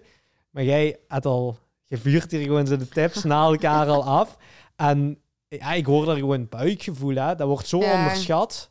Omdat langs de ene kant is ondernemen, ja, op de cijfers kijken en uh, kijken van oké, okay, chak, chak, chak, eh, checklistjes en uh, alles in orde. Maar langs de andere kant, en dat wordt volgens mij nog steeds iets te weinig benoemd, is het ook een, wel op buikgevoel werken, heb ik gemerkt. Als jij voelt dat er en met een locatie, of is dat met een klant, of is dat met een bepaalde persoon, of met een personeelslid zelfs, dat daar iets niet moet je dat niet doen. Dat is heel gek, want maar ik, maar ik denk ook van als ondernemer, ja, je zit, allee, je zit wel een, een, een persoon, weet je, meestal, je kent veel mensen, uh, je hebt veel contact. Ja. Allee, om de een of andere reden heb je, zit de meeste ondernemers toch wel ja, gewoon een beetje kunnen verkopen. Dus meestal, mm je hebt wel een beetje een netwerk. Je hebt met veel mensen kunnen, allee, gebabbeld al, met veel verschillende mensen, omdat je ook met veel verschillende mensen in contact Zeker. komt door je zaak. En dat je toch zo wel ergens een beetje dat gevoel ontwikkelt van om mensen ze toch. Allee, soms voelt je dat zelfs aan die een energie of, of aan die een manier van spreken of, of een manier van doen of zo zelfs. En dat beïnvloedt allemaal zo dat buikgevoel. Hè? En als het dan niet. Allee, ik heb, ik heb een paar keer echt gewoon. Dat ik achteraf denk van, oh, dat is een echt leermomenten geweest. Dat zijn echt grote fouten die ik heb gemaakt. Was bijna altijd dat ik mijn buikgevoel zo in de vuilbak had gegooid. En ik dacht, nee, nee, we moeten denken aan de business. We moeten denken aan, aan de centjes. Aan de centjes. Ja, maar achteraf dat het nu meer centjes heeft gekost dan dat het heeft opgebracht. Oh, dan baalt je toch, ja. Ja. Dat, dat, allez, ik zeg dat nu, hè, weet je, ik kan me niet inbeelden als ik hopelijk ooit naar hoofdberoep mag gaan um, en het geld moet binnenkomen, dan zet ik dat buikgevoel misschien wel eens af en toe aan de kant. Maar nu is het nog altijd mijn rotsvaste overtuiging dat dat hetgene maar zelfs, is. Maar zelfs, zelfs dan, dan gaat je misschien aan terugdenken en dan denk je, oh ja, maar Jonas had me toen gezegd. Ja, want, je was een uh... hoofdberoep en uiteindelijk heeft hij er zelfs gewoon minder aan overgehouden als dat je het... Allee, je had beter gewoon niet kunnen doen. Ja. En vaak is dat dan ook echt. Want dan, allee, ik heb gemerkt als je in, in, in zaken bent, als je zo vanuit schaarste moet werken, uh, vanuit zo, oh, het is moeilijk en gaan wel de rekeningen kunnen betalen, dan komen er ook zo de verkeerde mensen op je pad of zo. Dan trek je ook zo die verkeerde mensen aan. Terwijl als, het is heel gek, als de zaken goed gaan, of hmm. mensen denken dat het goed gaat zelfs, dan trek je ook betere mensen aan. Want anders krijg je zo meer, allee, als mensen denken, hmm, gaat precies niet zo goed, of hmm, die heeft niet zoveel werk dan gaan er ook zo meer zo de mensen die zo je leegzuigen afkomen. Ja, dan, dan is het ook niet aantrekkelijk, hè? Nee, dan, daarom. Ja, ik snap wat je bedoelt. Dus dan komen de goede mensen niet meer. Dat is... Uh, ja. Ja, maar dat, dat dan ook weer te maken van hoe doet je je communicatie, hoe is, hoe is je uitstraling en mm. hè, heb je in één keer vroeger elke week dat jij iets postte op, uh, op de socials en dan in één keer een jaar niks meer. Ja, dan hebben mensen ook zoiets van, ja, hoe ja, die zal het al niet meer zo druk hebben. En Voilà. eh, is die nog wel bezig. En dat is heel gek, maar dat is perceptie hè, van mensen. Terwijl je kunt het super druk hebben, maar ze zien niks meer Ja. verschijnen. Zeker. Allee, dat is heel dom, hè? maar ik heb dat ook... Daarom heb ik dat ook gezegd. Ik heb zo, ik weet niet of je die gezien hebt, zo de allereerste soort intro van deze podcast. Toen ehm, zat ik gewoon zelf zo tegen de camera te praten. En toen heb ik Ja. gezegd van, ja, ik ga de podcast, ik, ik, allee, ik ga nu die commitment maken om er gewoon 52 te maken. Ja, elke week, maandag, ja, ja. elke week een nieuwe podcast. Omdat ik wist van, ja, mensen hebben een soort van die houvast nodig. Of, of toch zo, die moeten eraan herinnerd ja, ik worden. snap. Ja, En als je je niet meer voorbij zien komen, ja, dan zit je ook heel snel terug niet relevant. En dat is het gevaar. En ook misschien wel nu even een fase waar dat ik nu doorga, nu dat je dat zo zegt. Ehm, we hebben ons, e- allee, ik heb er mijn eerste half jaar nu op zitten. Mhm. En het is nu heel veel een beetje bekijken... Oké, hoe is dat gelopen? Hè, dat is dan weer een beetje de analytische van... Oké, ik ga Ja. dat analyseren. Wat zijn nu al mijn kosten geweest? Wat is nu uiteindelijk de balans?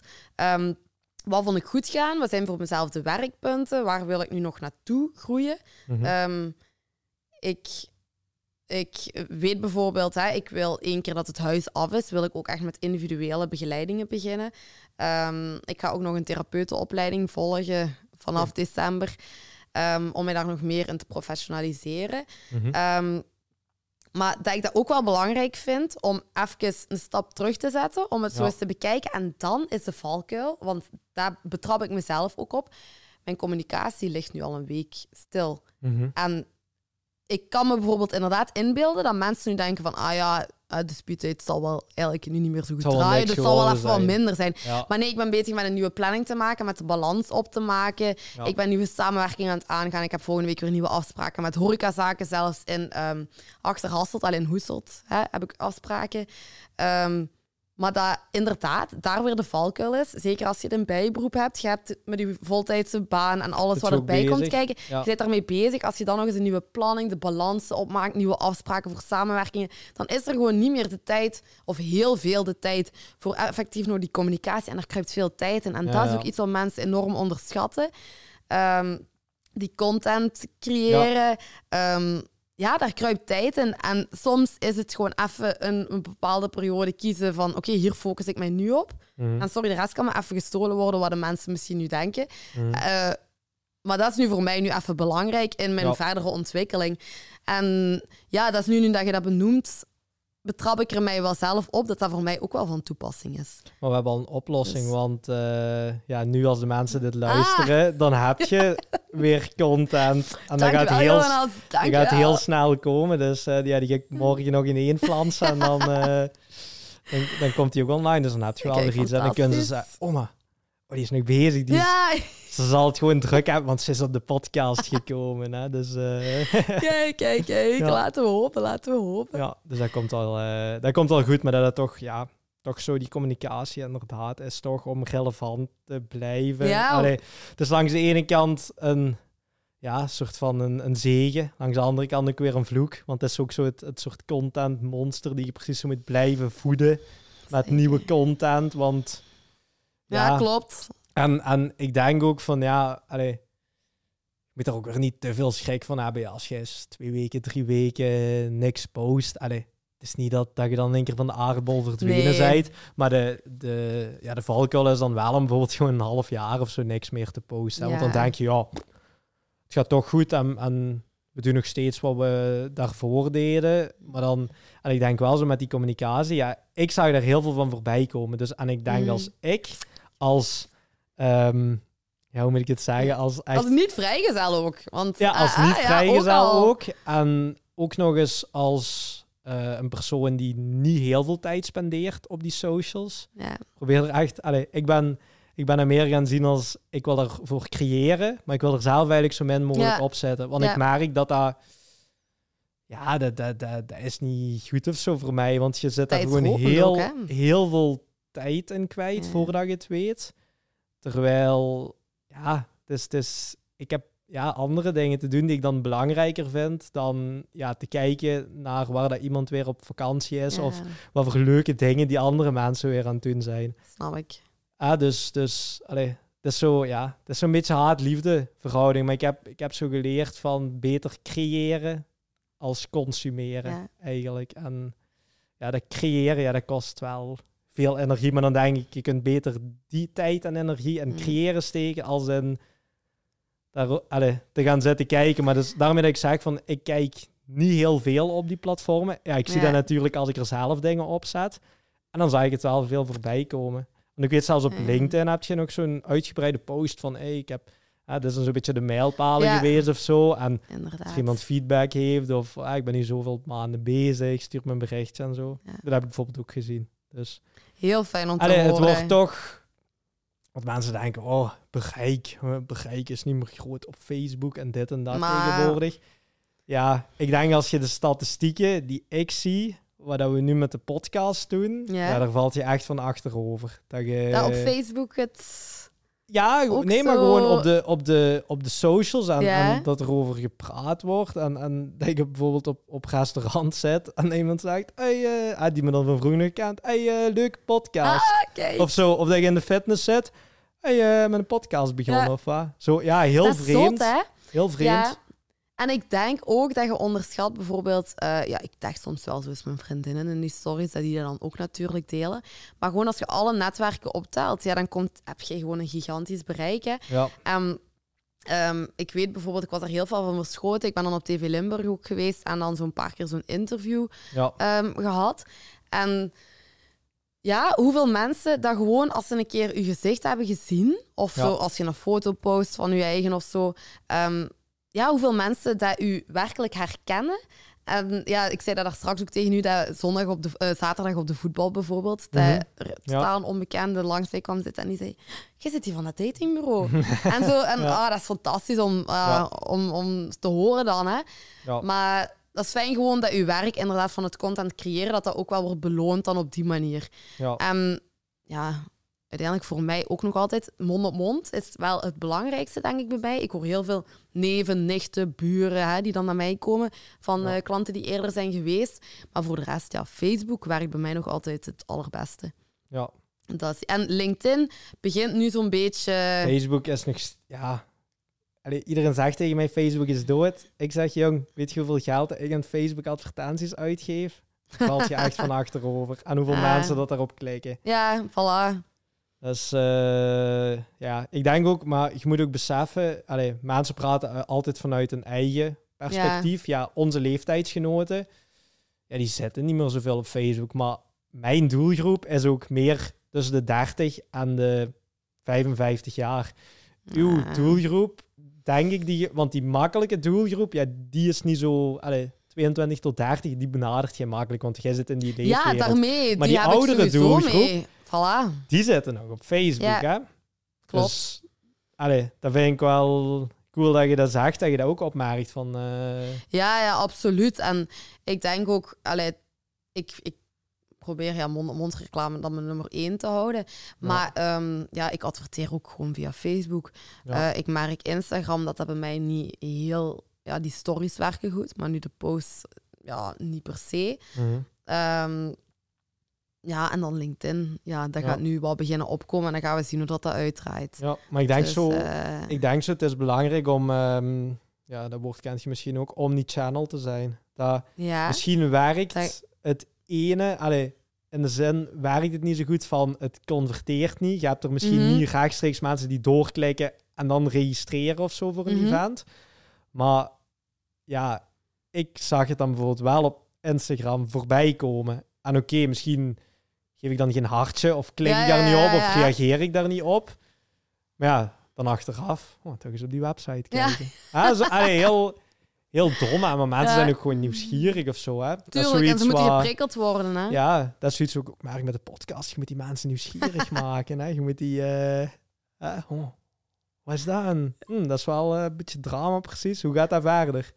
Ja, Of- zeker. een beetje teasen, een beetje... Ja, ja. Ja, maar dat is zo... Allee, dat hoef ik je niet te zeggen. Hè? Je hebt communicatie... eh, maar er, er is nog altijd... Ik merk een heel groot verschil tu- tussen voor het, iemand, allee, voor iemand anders te doen of het voor jezelf te doen. ja, Ehm, ik ben kritisch voor mezelf, maar ik ben nog veel kritischer voor mezelf als ik iets voor iemand anders doe en in functie van iemand anders zijn vooruitgang. Ja. En wanneer dat het voor mijn eigen winkel is, um, ik weet heel goed waar mijn krachten li liggen, ik weet heel goed waar mijn valkuilen liggen. En bij mij zit die kracht er net in zo het, het persoonlijk contact, Mhm. maar dat ik mezelf ook uh, ja, moet realiseren dat heel het communicatieve er rond, dat ik daar wel gewoon eens echt werk en tijd in moet steken en werk van moet waken. En Ja. dat ik dat niet uit het oog mag verliezen omdat de evenementen zo goed gaan. Mhm. Dat is zo... Ja, Dat is zo'n je kunt balans communicatief vinden. hè. geschoold zijn, maar Ja. dat blijft een uitdaging. Ja, en je moet het nog steeds altijd doen, hè. Dat is een beetje... eh, en, ja, om op niveau te komen van dat je het echt door iemand anders kunt laten doen en zo. Dan moet er Ja. nog heel wat gebeuren. Ja, dan, moet je, ja dan speelt je een, een andere, ja, een andere ja, ja. wedstrijd. eh, Zeker. Ja. Zeg, om, allee, want ik hoorde zo kritisch. Ik kan een heel eh, Ja. cheesy bruggetje maken, maar zo... allee, hoe... Want ik, allee, ik kan me voorstellen, dat is iets wat ik me afvroeg van... Allee, heb je zo soms ook ja, kritische mensen die denken van... ah, die, die website bekijken en die zeggen van... eh, oh, hoogwaardige matchmaking Mhm. eh, strategieën en eh, coach. Hè, zo, het woord Mhm. coach. Hè, Ja. zo, zo, ik weet zeker, dat is zo'n gezegde in Nederland. Er zijn meer coaches ehm, per vierkante kilometer dan eender waar ter wereld in Nederland, blijkbaar. Ja.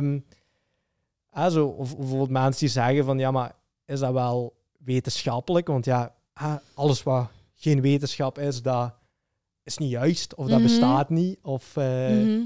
dit of dat zo. Of, allee, ik vroeg me een beetje af van, wat is uw, wat is uw kijk daarop? Of hoe ziet jij zo de, de, allee, de matchmaking en eh eigenlijk dan single coaching, relatiecoaching Mhm. in de toekomst? Hoe ziet je dat? Allee, want ik kan me voorstellen dat, dat je daar misschien soms nog wel zo ja, tegen een soort vooroordelen Ja, botst. Of, maar ook wel terechte vooroordelen. Ik Mhm. moet zelf allee, ook toegeven... ehm, ik heb dan ook in de sociale sector gestaan, of ja, een opleiding daarin gedaan. Ik heb heel veel vriendinnen die in die sector staan. En het barst van de coaches. Allee, Mhm. dat, is, dat is absurd hoeveel Ja. kindercoaches, eh life coaches dat er zijn. Ehm, en dat vond ik een hele moeilijke. Ik ben dan nu gestart met de speed date. En ik ga dan vanaf het moment dat het huis klaar is met mijn praktijkruimte erin, ga ik ook starten met die coaching sessies. Eh, ik krijg daar nu heel veel vragen over. En ook mensen die zeggen, ja, maar wat gaat je dan precies doen? Mhm. Ehm, en dat ik ook zeg van ja, ik heb opleidingen gevolgd. Ik, daar, daar zijn bepaalde trajecten en stappen die je daarin onderneemt. Maar dat is ook wel iets, hoe zal ik het zeggen, omdat ik vroeger altijd psychologie heb gestudeerd, heb ik ook het gevoel dat door die opleidingen dat mijn kennis daar rond ehm, nog zeker bijgeschaafd kan worden en dat mijn expertise daarin nog heel fel kan groeien. Ehm, ondanks dat ik wel op papier heel goede resultaten al boek qua matchings. ja. Ehm, en daarom ook, ik heb nu een hele goede eh, opleiding eh, voor koppel- en partnertherapieën, maar waar dat dan ook ja, die matching dan zo in voorkomen. Ehm, en ook van, hè, wat maakt relaties sterk? Wat is er belangrijk in relaties? Wat zijn zo de basisbehoeften en van die zaken? Ehm, en dat ik mezelf daar ook nog dieper in wil gaan scholen, Ja. om eigenlijk niet die titel van coach te hebben, maar mezelf ook wel echt therapeut. En ja, ik ben nog altijd aan het twijfelen om ooit nog een master in psychologie te gaan doen. Oké, ja. Zou je nog tijd extra kunnen toveren. Ja. Ehm, maar dat ik die, die bezorgdheid en die, die opmerking wel echt begrijp. Van Ja. wat is tegenwoordig nog ja, wetenschappelijk onderbouwd? Wie kunt je nog vertrouwen om naartoe Ja. te gaan? En waarvan je zeker weet, ah wel, die en u echt is de expertise om mij te begeleiden op bepaalde vlakken in het leven. Ehm, en dat is iets wat ik bij mezelf ook nog heel fel merk, dat ik daar nog een beetje onzeker over ben. Mhm. En dat ik ook heel fel zoekende ben naar, oké, wat kan mij dan precies die handvaten bieden, waardoor Ja. dat ik die zelfzekerheid wel kan opbouwen en ervoor kan gaan. Want op, op papier mag ik het nu doen. Mhm. Ehm, maar ik voel mezelf... Ik weet, ik heb al individuele begeleidingen gedaan, maar dat waren hulpverlenersvragen. ehm, dat, ik daar, dat ik daar altijd heel goede resultaten in boekte. Ook die blind dates, mensen die ik op dates stuur, waar heel veel successen uit Ja. voortkomen. Ik weet dat, maar ik wil als mensen voor iets betalen, dat het ook onderbouwd is. En dat het Ja. allemaal tot in de puntjes goed zit. Ehm, dus vandaar dat ik mensen die daar nu achter vragen ook eerlijk altijd zeg. Ik zeg, ja, kijk, ik ben me daar nog verder in, aan het professionaliseren. ja. Ehm, dat is ook een valkuil van mij geweest. Ik had in het begin niet moeten communiceren. Hè? Als je hè, tip naar ondernemers hè, die willen opstarten. Ik was daar in het begin... Ik had zo'n concept in mijn hoofd dat ik alles meteen erop heb ja, gesmeten. want jij kwam gelijk met drie dingen eigenlijk zo af. Hè? Ja. achteraf gezien had ik dat Peter nu niet gedaan. Maar ja, maar weet je, dat is dan de enthousiasme dat het overneemt. Wat dan mijn valkuil is... En waar we dan in opgaan, waar ik dan ook wel van besef van daar moet ik me nog in bijscholen. Um, ondanks het feit dat ik het wel al zou mogen doen. Mhm. Ehm, dus ja, super terechte vraag. Dat is voor in de toekomst. Daar gaat meer professionalisering in komen. En uh, dan gaat dat zeker heel succesvol zijn, want we krijgen er nu al vragen voor. Maar ik laat het nog even on hold staan. Ah, oké. Ja. Nee, dat is mooi. Nou, dat was wel... Uh mooi geantwoord op mijn vraag. Want ik dacht, ja, die vraag... Allee, ik had hem. Allee, ik had die niet op voorhand gestuurd nee, nee, uh, dat ik die zou stellen. En... Maar ik, allee, ik, ik was me zo'n beetje proberen aan het inleven. En ik, heb ook, allee, ik ben ook eens gaan graven van ah, hoe zit uw website? Wat staat er allemaal mhm. op? Uh, dit en dat. Dus, en ik weet gewoon, ja, vandaag de dag, ja, er zijn gewoon mensen, ja, allee, hoeveel reclame dat je op YouTube en, en op, op Facebook van of business coach. Zelfverklaarde business coach hier en daar. En ze verkopen, ze willen u eigenlijk allemaal een traject verkopen van 1997 euro. En als je het nu niet koopt, dan um, gaat het, uh, morgen is het er niet meer. Ah, dan zit je zo'n counter zo aflopen. Het, en, dus, dus, allee, maar daarom vind ik het wel mooi dat je zegt van ja, allee, is misschien nu iets te vroeg al gecommuniceerd geweest, maar ik wil me daar wel nog iets meer misschien in professionaliseren. Of, mm al is het maar misschien, want ik ben, er, ik ben ervan overtuigd, er gaan nu al mensen zijn die zeggen van nee, nee, uh, je gaat al laten zien, hè, ik ben naar ja. events geweest en dit en dat. En allee, voor veel mensen gaat dat genoeg zijn. Hè? Maar er gaan waarschijnlijk ook mensen die zijn, zijn van, ja, maar ja, huh? is hij dan psycholoog of is hij dan uh, matchmaker of, of is het Klopt. eigenlijk gewoon ene, één showke. Hè, waar ja, gelijk, ja, sommige, allee, van die coaches, dat zijn gewoon goede verkopers, maar qua inhoud zit daar heel weinig achter. Het enige wat die willen doen is geld uit die zaken kloppen. Ja. dus, dus, allee. Dat is een moeilijke. En eh, het is ook mooi dat je dat zegt van hè, mensen die naar u zijn gekomen, die, die daar misschien wel al vertrouwen in hebben. Want het mooie is, dat wordt ook echt benoemd. Ik weet dat ik vaak op van die evenementen gesprek heb met mensen tijdens de pauzes of tijdens die after day drink. Um, en dat mensen zeggen, amai, elk gesprek wat ik nu heb gehad, um, ik ga bijvoorbeeld naar een psycholoog en daar heb ik zelfs nog nooit zo'n gesprek mee gehad. En uh, ik weet dat dat in mij zit, dat ik die één op één, dat ik daar dat ik daar vroeger al sterk in was ehm, tijdens ja, mijn periode in de richting sociaal werk. Dan, um, en dat dat in mij zit, maar dat ik het ja, voor mezelf gewoon tot het uiterste wil ontwikkelen, vooral dat ik daar echt geld voor vraag. Want voor mij is dat iets... Ik doe dat natuurlijk al... Ik deed dat vroeger al op een middelbaar, zoals ik daar straks zei. Als mensen relatieadvies nodig hebben... Uh, allee, ik bedoel, ik krijg daar vaak berichten van, van mijn vriendinnen van oh, ja. dit is er weer gebeurd. En ik weet dat zit in mij, maar vooraleer dat je je dat als dienst kunt verkopen, vind ik gewoon dat je er alles moet kunnen uithalen voor, ja, voor jezelf, om daar een bepaald vertrouwen in te kweken. En dan het pas een dienst te gaan stellen van anderen. Ja. Ehm, misschien ben ik daar iets te afwachtend in, want ik kan me inbeelden dat als ik daar bijvoorbeeld vorig jaar bij mijn ouders thuis al mee was gestart, dat dat nu misschien kei goed liep en dat het ook gewoon een kwestie was van de eerste die komen, daar loopt dat kei goed mee. Uh, die gaan het rond vertellen. En dan is de trein één keer vertrokken.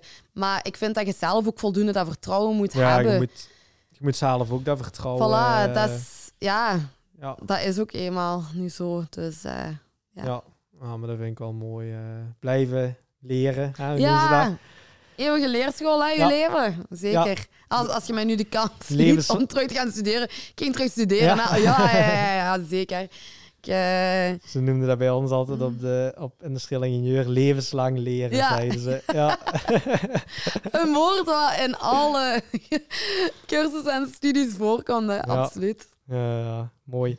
Nee, eigenlijk, want ik, ik heb hier uh, ook de tijd voor mij. Ah, We zijn al uh, bijna 2,5 uur oh bezig. God, ja. ja. jij ziet dat misschien niet, maar, uh, maar dat is niet erg. Uh, maar ik zou wel, um, ja, nog, allez, we gaan redelijk naar het einde van de mm -hmm. podcast toe. Ik denk dat het is een heel leuk verhaal geweest met heel veel tips die je misschien zonder dat je het door had, er allemaal tussendoor al hebt gegooid. meestal vraag ik dan ook zo apart en zo, maar ik denk dat er al heel veel is gezegd. Um, ja, eigenlijk mijn, mijn laatste vraag, daar heb je ook al een tipje van de sluier uh, opgelegd. Maar um, mijn vraag op het einde, ik denk dat je hem kent, is van hoe ziet je de toekomst? Mm -hmm. En daarbij kijken we meestal korte termijn, middellang en lange termijn. Mm -hmm. En je weet, dit is de podcast Allee, hier moet je je niet inhouden. Hier zitten geen uh, ja, mensen bij die gaan judgen of gaan zeggen van ja, maar ja, dit is, doe eens normaal en dit en dat. Ja. Allee, je weet ook welke mensen hier voorbij zijn gekomen. Ja, ja. er zijn er genoeg van, maar dat is in het begin ook van zeggen van hé hey, jong, dat gaat helemaal niks worden met u en dat gaat u toch nooit lukken. Ja, dus allee, als je zegt mocht dromen, ja, je moet niet je grootste geheim op tafel gaan leggen, maar als je zo, meestal ook als je het uitgesproken hebt, dan... dan gaat het ook gebeuren op de een of andere manier. En dan, ah. dat is misschien heel... Allee, want sommige mensen denken van, ja, maar ik moet, ah, moet ik dat wel zeggen zo? Ah, want ja, dit is toch ook een beetje openbaar. Hè? Een podcast, wie kan naar luisteren, dit en dat. Maar het is heel gek als mensen... Nu, allee, we zijn bijna 2,5 uur verder. Hè? Als die mhm. tot nu toe hebben geluisterd, hè, dan zijn dat ja, mensen die, die toch wel geïnteresseerd zijn of toch wel uw verhaal leuk vonden of zo. Ja. dus en meestal zijn dat ook mensen van... Hè, allee, Zeg bijvoorbeeld van, hey, ik ken iemand met een vette locatie. hey, ik ken iemand die misschien op speeddate zou willen, zou willen komen. Of ik ken iemand die net een bepaalde doelgroep goed kan benaderen. Dus allee, dat is wel het moment. Ik heb hier al ja, dingen, dingen gehoord en dan. En dat zelfs gewoon andere mensen die... Allee, iemand had een podcast gedaan en mhm. iemand anders had die dan opgebeld, die ook op de podcast was geweest van, hey, ik hoorde daar uw probleem en misschien kun je dat zo of zo kun je dat aanpakken. Oh, dat is van, oh jong, ja, zo ik dat nog niet bekeken. Ja.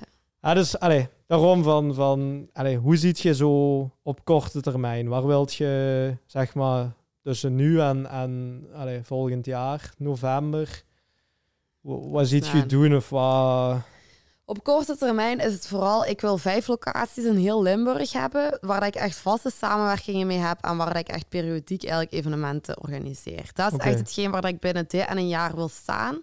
Ja. Ehm, voor mezelf, als ik dan zou kijken binnen dit en hopelijk twee jaar, is het mijn eigen praktijk in mijn huis. Dat ik uh, daar kan starten met die coaching sessies. Dat ik dus mij dit jaar dan ook weer ga focussen op die verdieping in heel de professionalisering. Mm en in combinatie met die thuispraktijk en die speeddates, dat ik ook de omschakeling ga maken van 30% lesgeven en 70% zelfstandigen. Okay. Dat hoop ik nu binnen dit en twee jaar te bereiken. Um, als ik dan nog verder mag dromen, zoals je heel veel benadrukte, is een multidisciplinair centrum. In de zin van um, en nu focus ik mij, zoals ik net zei, ik heb al speeddates hè, voor LGBTQ+, voor uh, personen met een beperking, um, van 22 tot 65 jaar nu. Um, proberen organiseren, maar dat we dan echt dat ik mensen in dienst heb. Ik ben ook een vrij leidinggevend type, dus ik zou dat fantastisch vinden dat ik medewerkers heb die kan soigneren, die goed uit, die goed laat kunnen, allez, laat uitblinken in een ding. Um, maar dat we ook wel dat bepaalde mensen heel specifiek met bepaalde doelgroepen bezig zijn. Bijvoorbeeld iemand die evenementen en speeddates voor personen met autisme organiseert. Iemand die evenementen en uh, speeddates voor de iets oudere doelgroepen. Iemand die zich meer focust op die jongeren. Meer inzetten dan op evenementen. Ook die coachingstrajecten, dat het ook werkelijk is de, dat er uh, trajecten komen voor singles. Um, ook voor koppels. Hè? De spark terug herontdekken dan in hun leven als de relatie wat moeilijker gaat. Um, en dat we dan ook uitbreiden met psychologen, therapeuten. Ja, dat zou het, het, het echte droomscenario zijn. Uh... Vast multidisciplinair team. Ja. En dan daarbovenop, wat fantastisch zou zijn, is een ja, mijn grote droom is een grote mooie serre ergens, hè, in het midden mhm. van de weilanden, om te over tot een vaste speeddate locatie. Oh, ehm, ja, dat zou fantastisch zijn. Langs de andere kant, een echte vaste locatie neemt ook heel veel kansen weg, omdat het nu fijn is dat je je verplaatst. En je merkt mensen, van overal. ja, ja. Um, maar het zou fantastisch zijn om je eigen drank te kunnen verkopen, je eigen vaste locatie te hebben, een routine te ontwikkelen en niet iedere keer opnieuw die samenwerkingen vorm moet geven. Ja. Ehm, dus dat is zo'n beetje, ja, naar later toe, uh, mijn grote dromen zijn heel groot. Ja, um, het is te hopen dat we daar ooit naartoe kunnen. Ehm, en dan nog, uh, ik heb nog een paar andere ideeën voor andere bedrijven. Waar nog? eentje zo, ja, ik ben zo daar wel een beetje concreter mee aan het gaan. Ja, oké. Ehm, waar dat ik ook nog wel werk van wil maken. Ja. Dus, ehm, maar ja, we gaan stap per stap vooruit. Zien dat Ja. alles goed wordt uitgewerkt. eh, zien dat het zo goed als vlekkeloos, hè, in de mate van het mogelijk ja. kan verlopen. Ehm, en dat het gewoon, dat de balans nog allemaal juist blijft. Dus ehm, dat is een hele belangrijke voor mij. Het lesgeven wil ik zeker ook niet loslaten. Ik denk dat dat ook een, een felle kracht van mij kan zijn.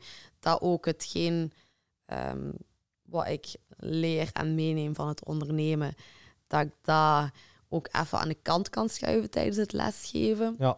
En daar volledig de expressieve, daar voor de klas staan. eh, dat ik dat kan blijven behouden. En in de hoop ook later.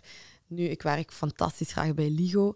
Ehm, maar de Thomas More heeft destijds met die stage ook wel een beetje mijn hart gestolen. Ja. Om dan het, het, het dro de droomscenario is dan ook weer naar later toe om daar dan ook deeltijd les te geven en uw expertise dan ook door te kunnen geven aan misschien jongeren die dan ook willen ondernemen. Ja. Of binnen de richting sociaal werk en de mensen daar dat Ja. engagement echt mee te geven. Dat zou fantastisch zijn. Ah, leuk. Dus je wilt eigenlijk ook nog zo'n beetje dat educatieve. Dat Ja. is toch nog steeds... dat zit u- erin. Ja. Dat, ik doe dat graag. Eh, ik, ik, weet je, ik ben nog jong, maar in de mate van het mogelijke dat ik inspirerend kan zijn voor anderen, wil ik dat wel zijn. Hè? Het is nu heel veel met asielzoekers bijvoorbeeld, dat ik, Mhm. waar ik nu veel mee werk. Ehm, maar naar later toe met, met studenten, eh, ja, daar zou ik echt... Ja. Daar zou ik enorm van genieten, zal Ja. ik het zo zeggen. Maar ik denk dat hier al het zaadje geplant ja, is. Want laten we hopen. ik denk dat er allee, heel we hebben, we hebben zo verhalen, daarmee vond ik het ook mooi van. We hebben eigenlijk bijna allemaal mensen die een hoofdberoep waren ja, ja, gehad.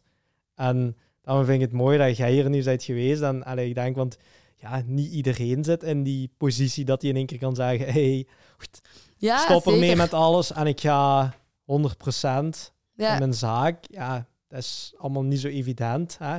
We merkten dat ook. Allee, het lijkt nu, oh ja, een jonge haai, oh, die komen elke week weer met een nieuwe podcast. Maar ja, mensen zien natuurlijk niet achter de schermen hoeveel moeite dat ik moet doen om, om mensen bijeen te zoeken. En wilt je, ah, die wilt wel of die wilt niet. Of Ja, ja. ah, die is nog niet zeker. Of ja, allee, wat ook normaal is. Maar ja, het is wel niet zo evident om, om allee, zelfstandig een hoofdberoep te vinden. En dan vind ik het wel leuk, hey, die bijberoepers. Ja, dat is wel de opstap om, ja, als het niet direct hoofdberoep mogelijk is, om die opstap te maken. We beginnen met bijberoep.